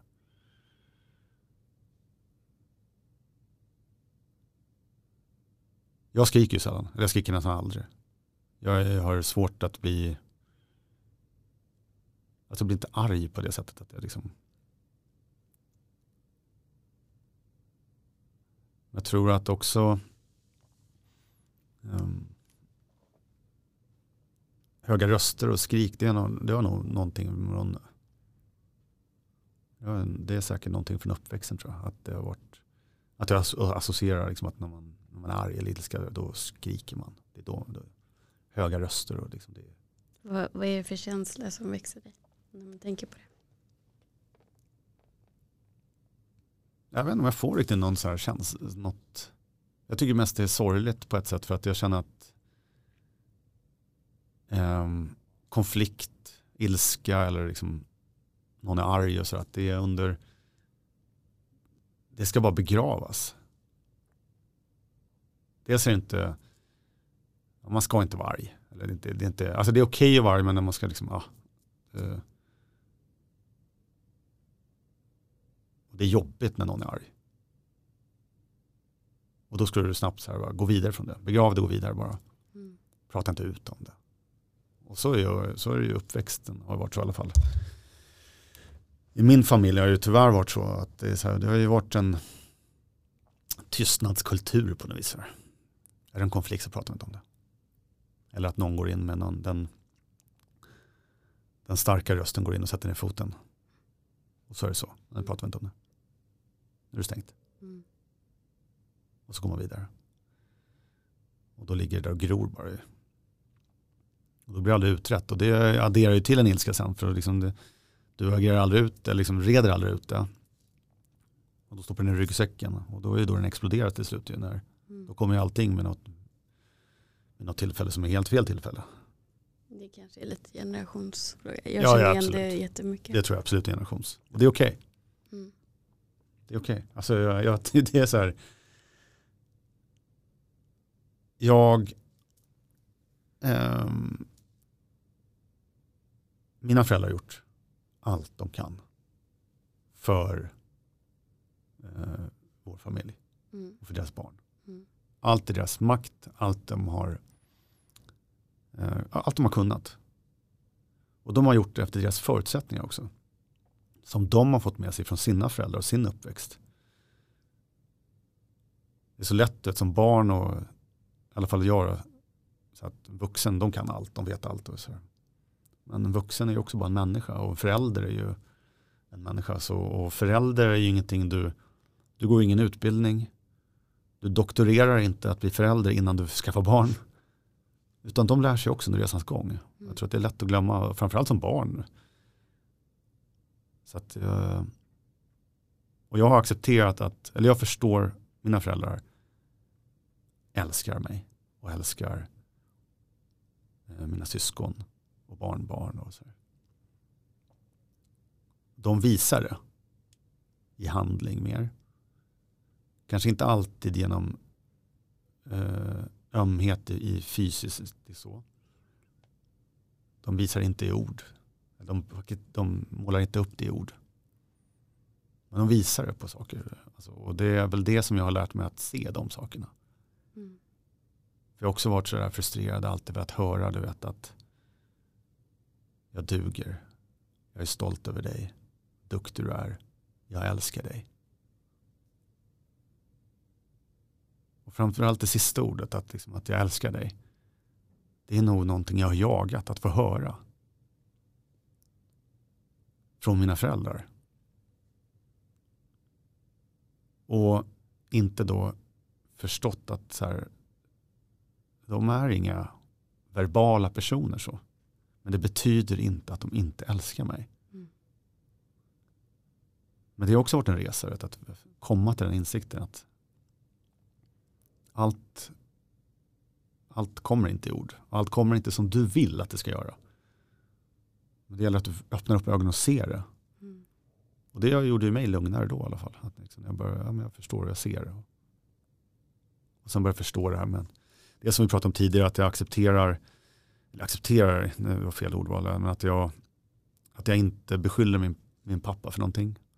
Men också att jag ser saker som de gör och jag accepterar dem för liksom, de människorna de, de, människorna de är. Precis. Jag läste någonstans just att det var jätte, jätteviktigt för just att läka de såren som ändå bottnar i att det är någonting man upplever att man inte har fått behov mätt av sina föräldrar. Att man faktiskt som vuxen ser dem som de människorna de är. Mm. Och som du säger förstår att de allra, allra flesta föräldrar har gjort allt de har kunnat utifrån sina förutsättningar. Mm. Och man kopierar det man känner till. Ja. Så att, ja, det är likadant också när man går in i en relation så gör man ju ofta likadant som sina föräldrar har gjort. Mm. Och har man då två olika kärleksspråk så blir det ju också ofta att de krockar mm. och man känner sig inte älskad fast den här personen visar kanske då istället med handling eh, att jag älskar dig. Mm. Men inte kanske tycker att det är jättelätt att säga det eller skriva det eller ja, vad det nu kan vara. Och just att man också då kan läsa på de här fem kärleksspråken och då därifrån faktiskt börja se det här. Men mm. gud, han vek ihop mina träningsbyxor. Mm. Sådana saker eller vad som helst. Eller hon eh, visste att jag skulle komma hem sent, jag är jättetrött, jag har tränat efter jag har jobbat åtta timmar. Mm. Eh, och just den här dagen var inte så jäkla bra. Och så finns min favoriträtt när jag kommer hem eller mm. vad som helst. Mm. Liksom, då blir det kanske lite så norm, normativt. Ja, ja. Men ändå, att man ändå börjar se den andra personen utifrån hur de uttrycker sin kärlek. Mm. Och också hur man själv uttrycker sin kärlek. Så att man dessutom då kan lära sig hur ja, det här är viktigt för honom eller henne. Mm. Och börja, börja agera lite så just för deras skull också. Mm. Och där också liksom lära känna sig själv och också lära känna sina föräldrar för de, de är mm. som personer. Men det finns ju också som du brukar säga, allt har sin tid. Eh, man måste vara redo för att också se det, att också ta det som ett steg i sitt läkande.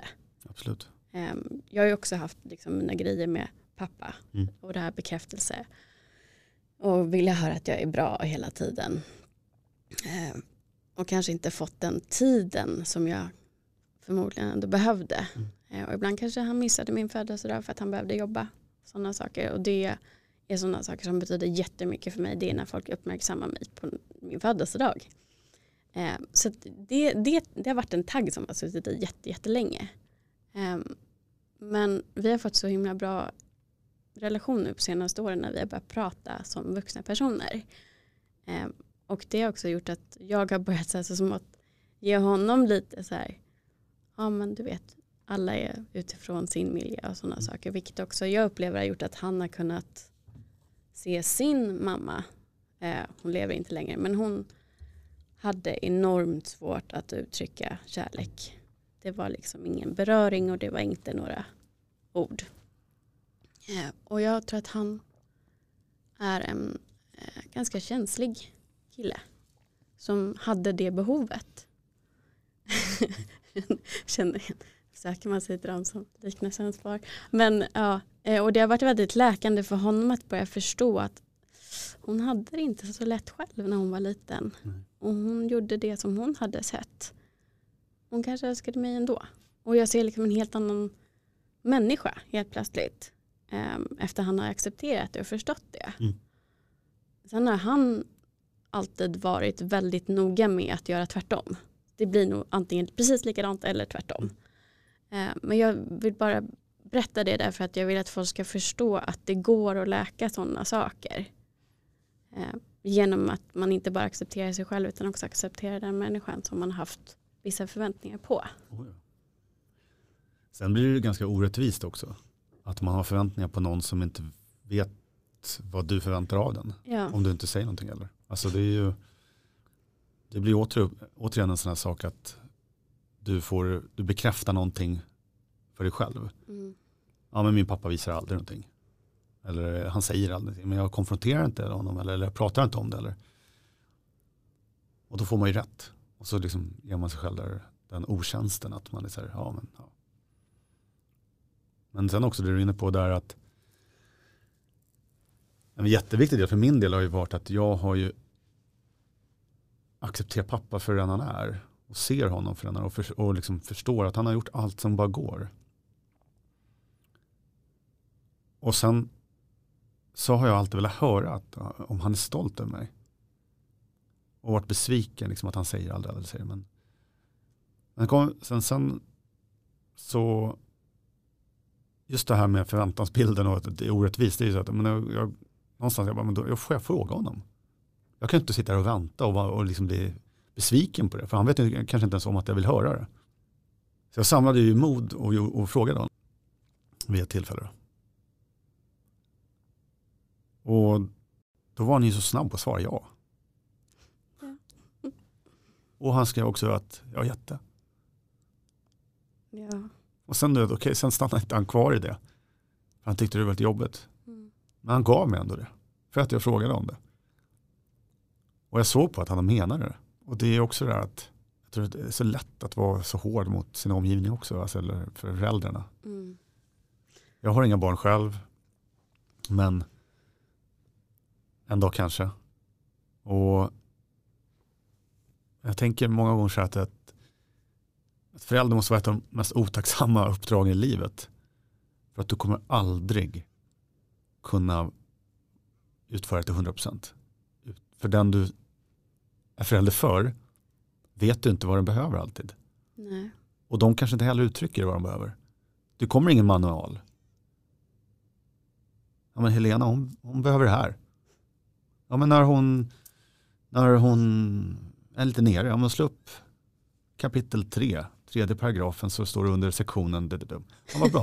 Alltså så enkelt är det ju inte. Nej. Utan då kommer ju där utifrån att så här, då, nu ska jag vara förälder här, nu ska jag göra, hon är ledsen eller hon är så här, då gör ju de det bästa. De. Mm. Och jag vet att så här, det har vi pratat om, din pappa och min pappa um, jobbade mycket. Och det är också så här otacksamt, tänker jag.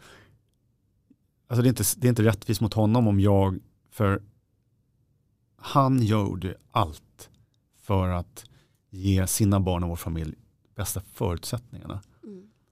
Eh, ekonomiskt. För att det var någonting inte han hade. Och det var en drivkraft för honom. Men sen var det också, men jag då? Hallå, jag har inte bett om det. För jag ville ha pappa på hockeymatchen. Jag ville att min pappa körde mig på hockeyträningen. Nu hade jag lyckan, och har lyckan fortfarande, att ha en helt underbar mamma.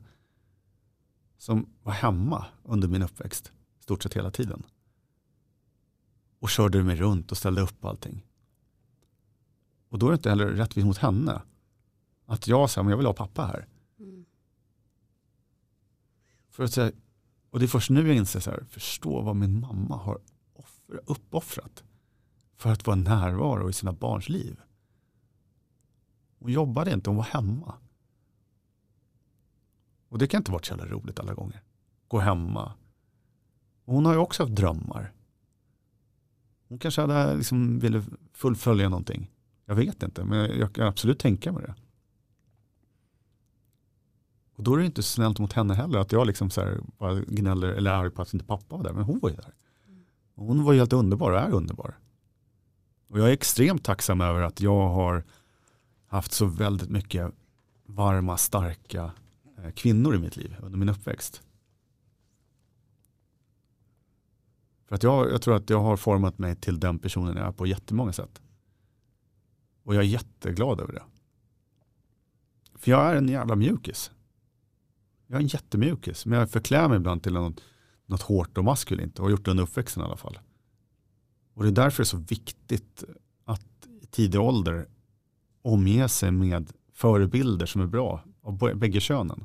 Om jag säger högkänslighet, vad säger du då? ja, vad säger jag då? Det, jag kommer att tänka på ett namn, men jag tänker inte säga det. Nej. Um, Så högkänslighet har alltid varit eh, lite flummigt för mig faktiskt. Inledningsvis. Tills jag började först, alltså, det, jag började höra mer om det, liksom prata om det, liksom lyssna på folk som, så att jag förstår det. Och högkänslighet, eh, jag vet inte hur man kategoriserar, liksom, om det finns någon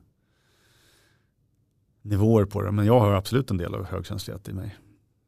Det var dit jag ville komma. Ja förstod det. ja. Och jag, jag kan ju och jag måste ju också vet, tänka på det många gånger ibland. Jag kan bli ja, men huvudet sätter igång. Liksom. Jag kan reagera, jag kan triggas igång på ett ord och så blir det så här, betyder det jättemycket för mig. Och det är inte rättvist mot den som säger det, för, för den kanske inte betyder lika mycket. Men och att jag kan säga, ja, ja men det. Vi kan prata mer om det sen. Um, jag har fått en fråga mm. från en lyssnare. Um, och det handlar ju om, i och med, hör man de första avsnitten när jag pratar om när jag var i början av min resa um, så märker man ju hur viktigt det var för mig att du ändå gjorde tvärt vad alla andra har gjort.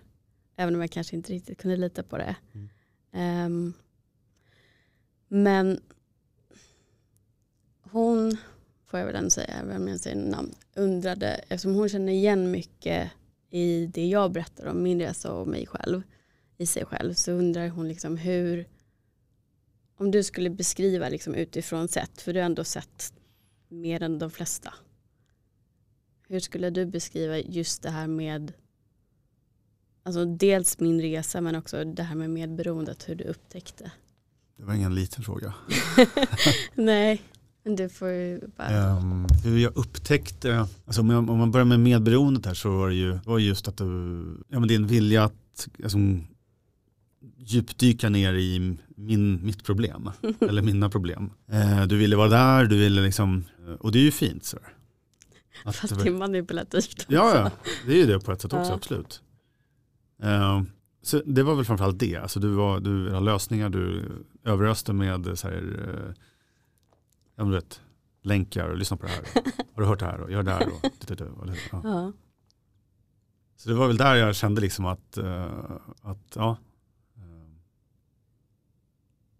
det med medberoendet och att det blev en flykt för dig att inte mm. konfrontera dig själv. Mm. Fokus bara på någon annan. Ja, för det är mm. mycket lättare. Mm. Det är ju det, det är bara liksom, i allting så det är mycket lättare att ge någon annan råd än sig själv. Mm. Och vi sitter ju ofta alla på sina egna svar. Men det är jobbigt att liksom inse dem och då är det, bättre, då är det lättare att fokusera på någon annan och ge goda råd och vara där och sådär. Så det var väl det jag kände igen för att jag kände ju också igen mig utifrån mig själv tidigare in, ja, innan min resa riktigt började var ju att det var lättare för mig att göra det också. Det var lätt att hjälpa någon, stötta upp, stötta, vara där. För att då slipper jag vara med mig själv. Um, så det var framförallt det, alltså igenkänningen där och då försökte jag på något sätt um, ta ett steg tillbaka och säga till det vad jag behövde och vad jag inte behövde. Och vad var det mer du, du var med um, Ja, nej, jag tycker bara det är intressant. Um, va, men är var det från den egen erfarenhet att du har varit medberoende? Alltså jag tror ju någonstans att det ligger i mänskligheten. Att vi, det är lätt att bli medberoende. Det är lätt att ta till, liksom, hjälpa till om man vill. Sådär. Um, så att det är en viss grad ja. Men sen, sen såg jag ju i ditt beteende såg jag en tidigare relation som jag hade. Hon också som puttade in mig på den, på den vägen. Hur hon betedde sig. För hon, hon, hon blev medberoende i mitt, liksom mitt levande, mitt beteende, hur jag mådde och vad jag gjorde och allt det där. Mm. Och hade ett väldigt fokus på att fixa mig. Fixa vår relation. Och, och det kunde jag också känna igen, liksom att när jag pratade med dig så var det så det var som att hon dök upp i dig igen och pratade. Fattar. Lite så. Ja. Vad hände där? I, i vadå? I, I er relation? Eh, den, den, den, den, tog ju slut. Eh, det, var, det, var, det var ju en resa som jag var tvungen att göra själv. Kom jag till insikt med. Och sen hade jag sårat henne för mycket. Och fortfarande idag så har jag, jag har jättedåligt samvete för liksom vad jag utsatte henne för. Och den liksom sorgen när jag såg liksom hur, hur, hur ledsen och, hon, hon blev. Mm. Och,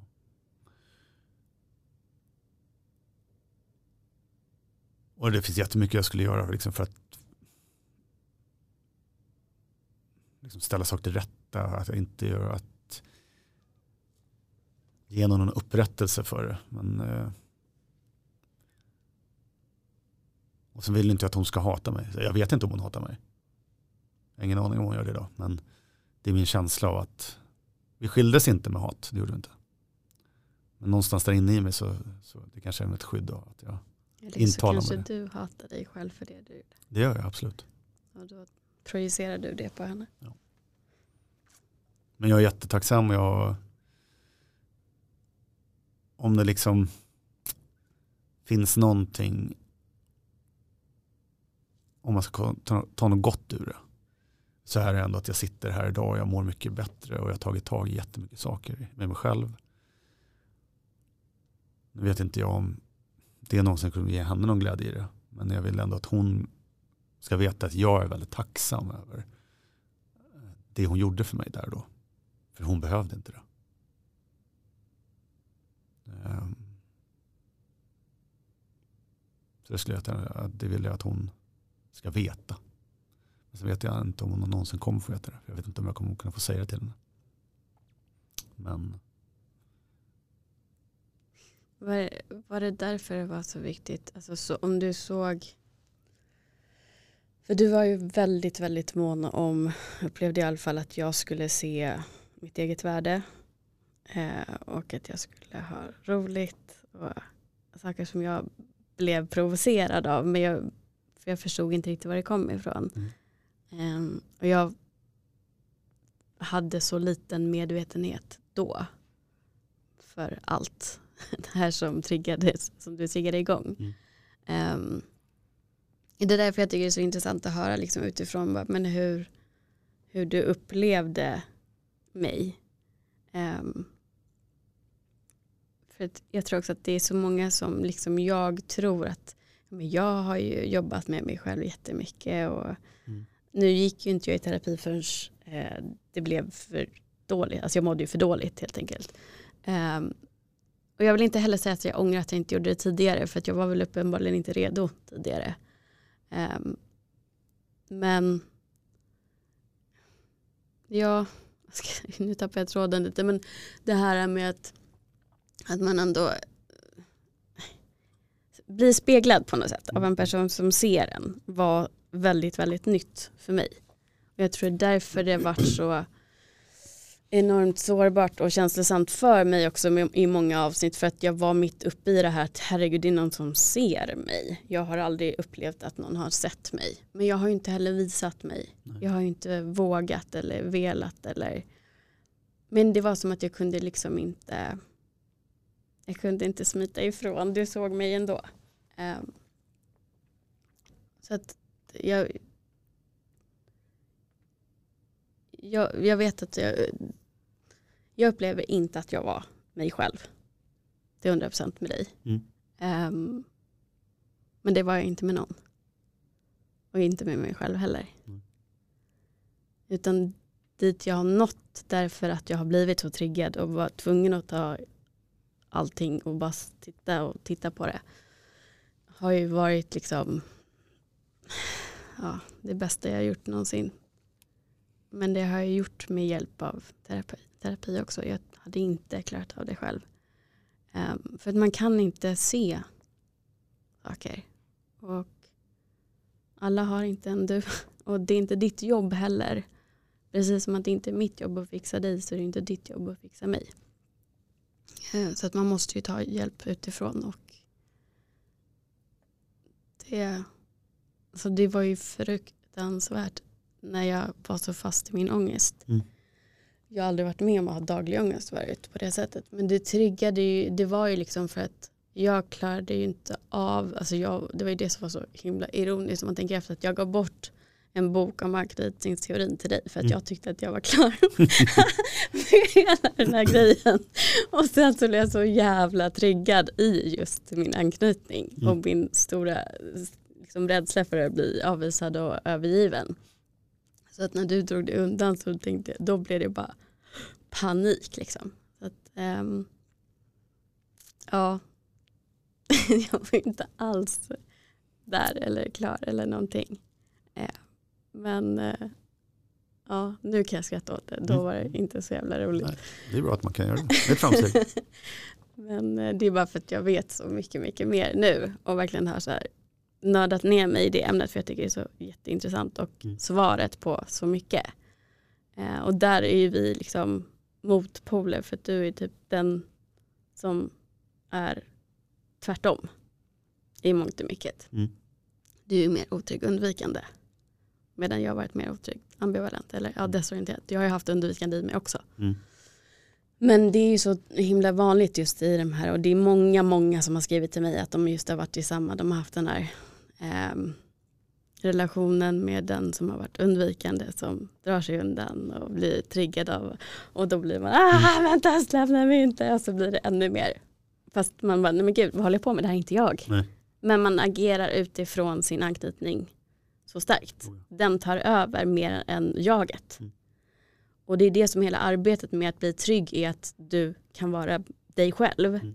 Och det tycker jag är så viktigt också att nå ut med att du, du som lyssnar, alla, du är inte din anknytning. Men du kan agera utifrån den. Mm. Oh ja. Det är inget fel på dig för att du har en otrygg anknytning. Det är en skyddsmekanism du har skapat för att skydda dig själv. Men i vuxen ålder så känner inte oss. Nej. Utan det blir ju sådana saker som det blev med oss.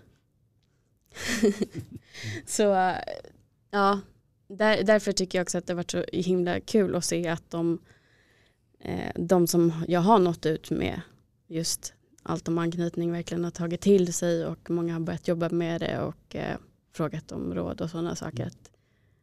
Jag tror att det är mycket, mycket läkande för många vuxna människor. Ja, absolut. Ta hjälp och gå i terapi, det är ju någonting Alltså det är en sån investering i dig, i ditt liv. Mm. Som att du kommer inte liksom, alltså det är det bästa du kan göra för dig själv. Och det finns inget, det är ingen skam i att ta hjälp. Och det är ingen skam liksom att, att må dåligt och, där och, och för saken är att jag kände också så här, oh, gud, när jag började här var 30, 35, eller 35, 36. Så här, hela mitt liv har ju gått, så här, börja nu. Så här, börjar, börjar ge mig dåligt samvete för att jag inte tog tag i det tidigare. Herregud, det är ingen ålder. Och det är mer en lycka att jag tar tag i det. Mm. För att kunna bli den bästa, alltså, bästa av mig själv för framtiden som är framåt. Mm. Och för tänk att gå ett helt liv utan att göra det. Eller verkligen så här, kanske när du, det är väl lycka också på ett sätt att du får det när du blir äldre också, men då kanske då har hela livet gått på ett sätt. Mm. Så man ska ju vara glad att du, alltså, det är aldrig för sent att, att ta tag i det. Nej, och det var någon som skrev till mig, hon var lite äldre än oss, men fortfarande mitt i livet. Ja. Och just det här att, ja men gud jag, jag känner mig så dålig, jag inser det här nu när jag läser på din Instagram eller lyssnar på podden. Ja men herregud, tänk om du ska leva lika länge till. Mm. Det är fullt möjligt. Ja. Ska du inte då tänk, titta på de åren mm. och tänka att du kan liksom jobba på dig själv nu. När man gör det och verkligen grottar ner sig så tar det ju faktiskt inte så himla många år. Eh, att ändå bli så pass att man börjar leva mycket bättre och mer autentiskt. Då kanske du har liksom 30-40 år mm. att leva så. Är inte det någonting helt underbart? Absolut. Att man försöker tänka så. Sen också så att det är aldrig för sent på det sättet du, som du beskriver också eller som vi pratar om. Men jag tänker också att eh, det är bra att släppa åren, att räkna år också. Mm. Eh, det är lätt att göra det. Mm. Jag har bara liksom, men jag ser det mer, hade jag gjort det här, det är klart jag hade varit lite så här, oh, varför gjorde jag inte tidigare? Absolut, men försöka släppa det mm. så fort det bara går. För att det, det viktigaste måste ändå vara att du har gjort det under ditt livstid. Så att du avslutar i alla fall, dina sista år blir det, alltså, då är ju det gåvan du får. Alltså, mm. du, du, du går ur ditt liv med den bästa liksom, versionen av dig själv. Mm. Och att du kan ligga kanske på en dödsbädd och liksom tänka på att ja, men, vara stolt över sig själv. Istället för att ligga med ångest där då och bara, oh, jag borde gjort det här, där, där. Mm. Men sen också att inte fastna på framtiden heller tror jag. Utan vara mer i nuet. Oh ja.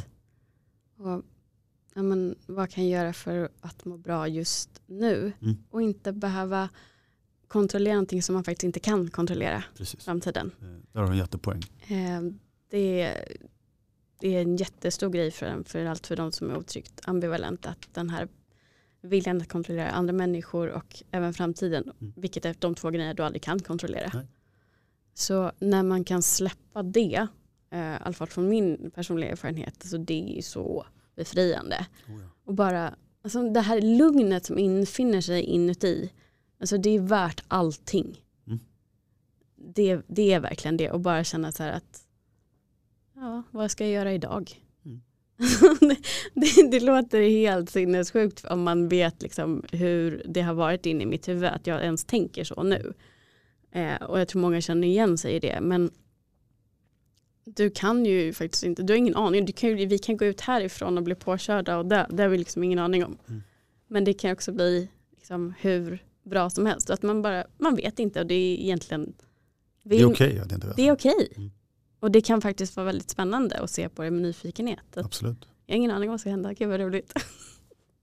Jag tror också det har varit en av viktigaste för mig i, i processen när jag var uppe i det som mest och jobbade så aktivt med det var just då fick ju rådet av terapeuten det var ju att eh, just vara här nu och ta dagar ta en dag i taget Mm.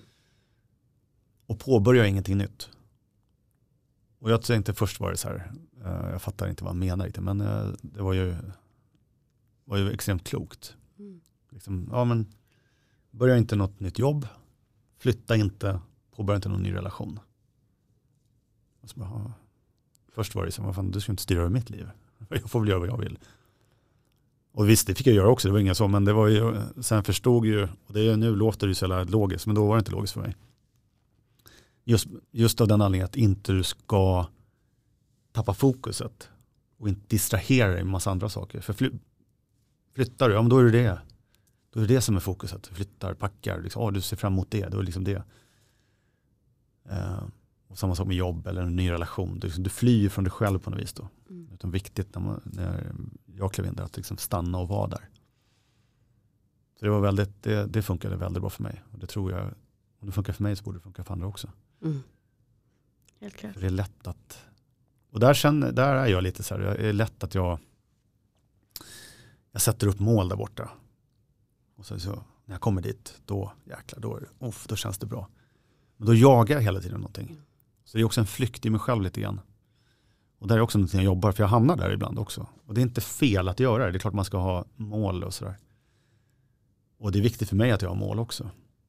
Men det är viktigt för mig att jag också påminner mig själv om att det inte är liksom, målet som är det viktiga utan det är också resan där, varje dag fram till det. Mm. För annars finns det en risk att när jag når fram dit så är det bara tomt. Och då, då, då, då får jag en riktig käftsmäll för att du har liksom byggt upp det här. Mm. Ja, alltså om det är att du menar att du tänker så här, bara jag når dit så kommer jag bli lycklig. Exakt. Det är jättefarligt Oh ja.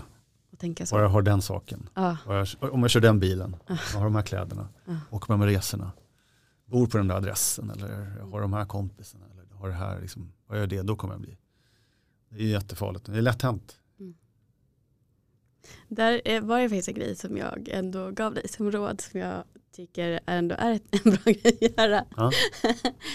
Tacksamhetsdagboken. Ja. Ehm, för att just vara mer i nuet. Oh ja. Dels eh, mindfulness kan man ju också göra. Mm. Men där ser jag vitt och brett bland folk som ändå jag upplever har lite samma syfte och samma tänk. Eh, ändå upprepar att just det här att om man ändå kan varje dag skriva ner tre saker som man är tacksam för eller om man till exempel har en eh, otrygg anknytning som gör att man kan tvivla på ett förhållande man är i eh, för att det är triggat och Mm. inte för att man egentligen vill, det är fel. Eh, då vet jag att de just propagerar på att um, skriv ner tre saker du är tacksam för hos din partner Mm. varje kväll. Och att då lär man ju om tanken, tankebanorna i hjärnan. Att man börjar se det lite mer. Ja, att jag har faktiskt väldigt mycket. Även om det här och det här skulle jag också vilja ha. Mm. Det kanske jag får. Jag får väl tänka hur jag ska komma nå dit. Men jag har också jättemycket. Mm. Att man på något sätt liksom lär om där och faktiskt lär sig att man är mer lycklig än vad man tror här och nu. Ja. Ska vi börja avrunda? Jag ser att jag pratar i två timmar. Oj, sant. yeah. ja. Du förklarar varför jag blir hungrig. jag um, om du får då ge alla män och kvinnor som känner igen sig i, i din historia tre råd. Oj, tre råd. Vad hade du behövt höra? Alltså när jag började, då jag tror det svåraste när, när man är där uppe och står på den här kanten och liksom balanserar. Så jag är ju återigen jäkligt tacksam för att det var någon som gav mig den här lilla knuffen. För att det, det var jättejobbigt. Sen vet jag att det inte är alla som har det.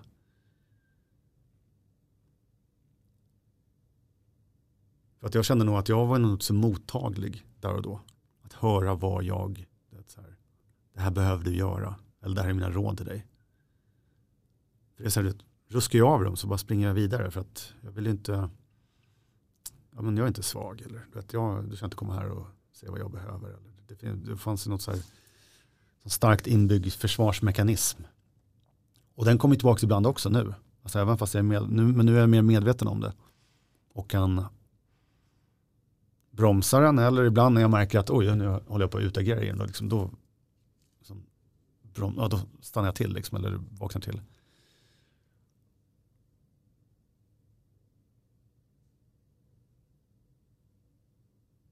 Men tre råd. Alltså det första blir bara, och vilket också, jag vet inte om det är så bra råd egentligen. Alltså det som är att bara alltså, gå och prata med någon. Um, nu låter det, mina råd låter dåliga. Men, Nej, all, alla men, säger samma. Det är därför att det är det viktigaste. Ja, men det är liksom bara ta det där steget och bara prata med någon.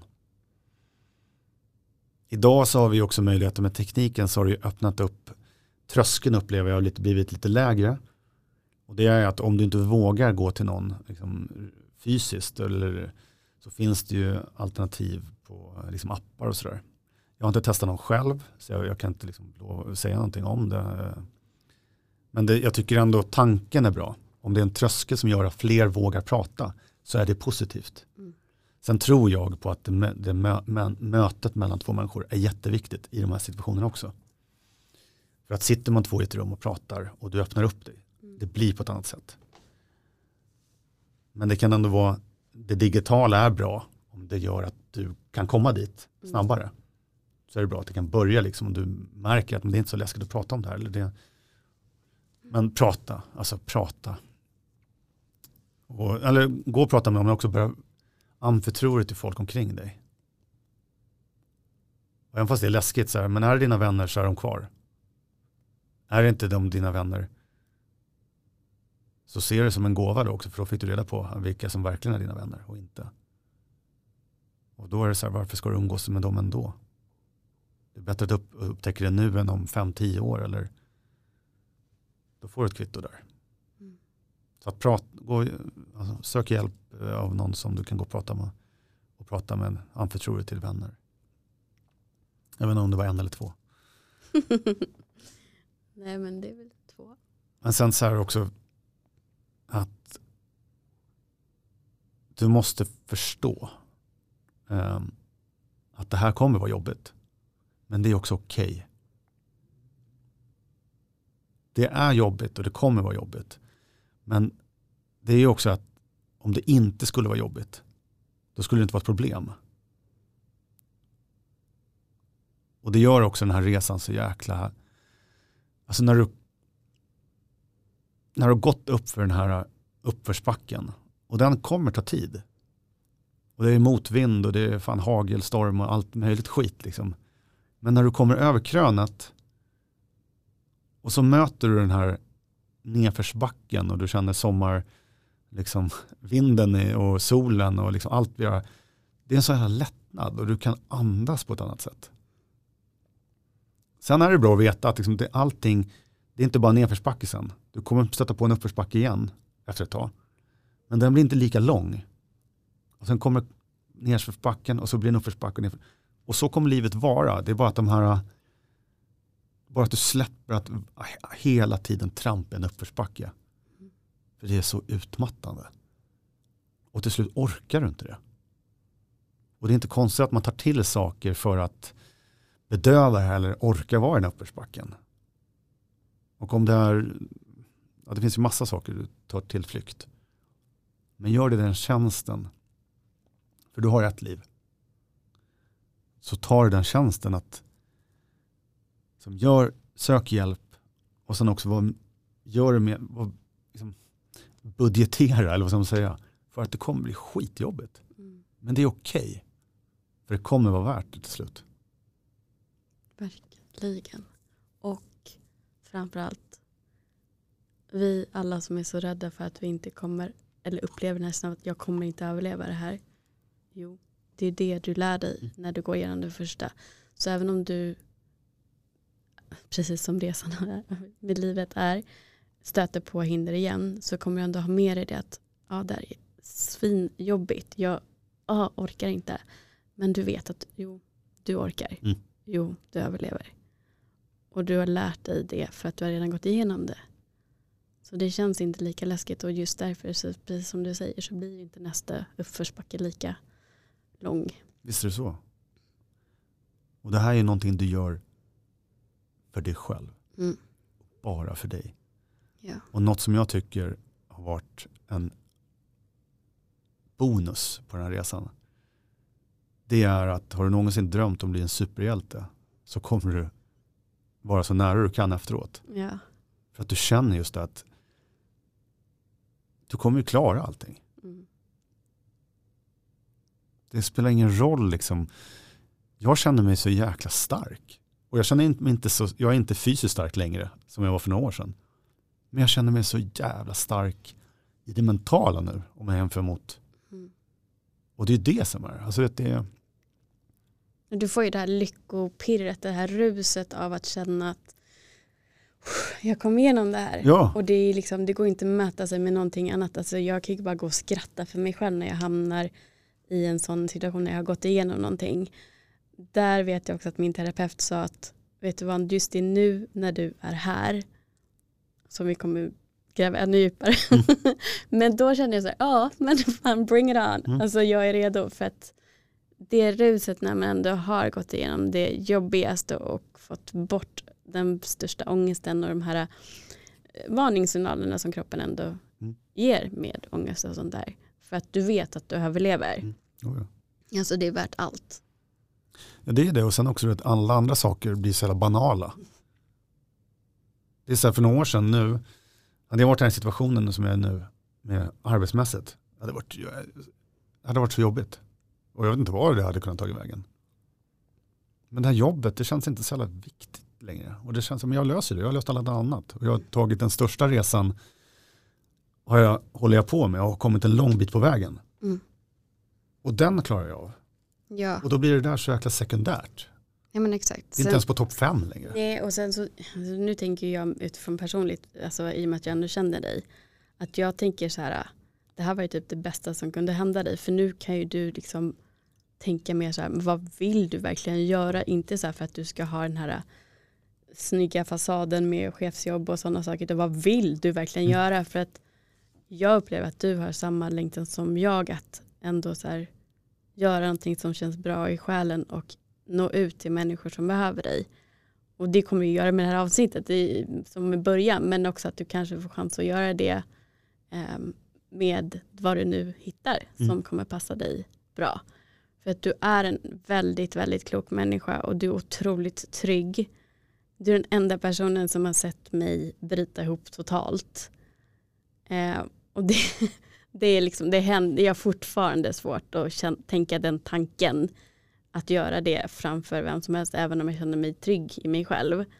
Men ja, det är fortfarande lite läskigt. Men jag skulle kunna fortfarande ringa dig, känner jag. Så det vill jag verkligen att du tar med dig, att du har den gåvan. Och jag vet att du kommer göra någonting bra av det i framtiden, för det är det du är menad för. Så tack så jättemycket för att du har varit med idag. Tack själv och tack för orden. Och det här är ju då som vi har sagt säsongsavslutning på den här första säsongen av Bakom fasaden-podden. Så jag vill även rikta ett jätte, jättestort tack till alla som har lyssnat, delat och hört av er.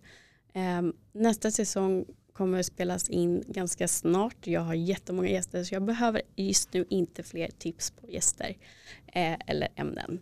Men eh, vi kommer nog inte höras för en, en liten bit in på nästa säsong. Men självklart så är jag fortfarande kvar på Instagram så fortsätt höra av er och tills vi hörs igen, ta hand om er.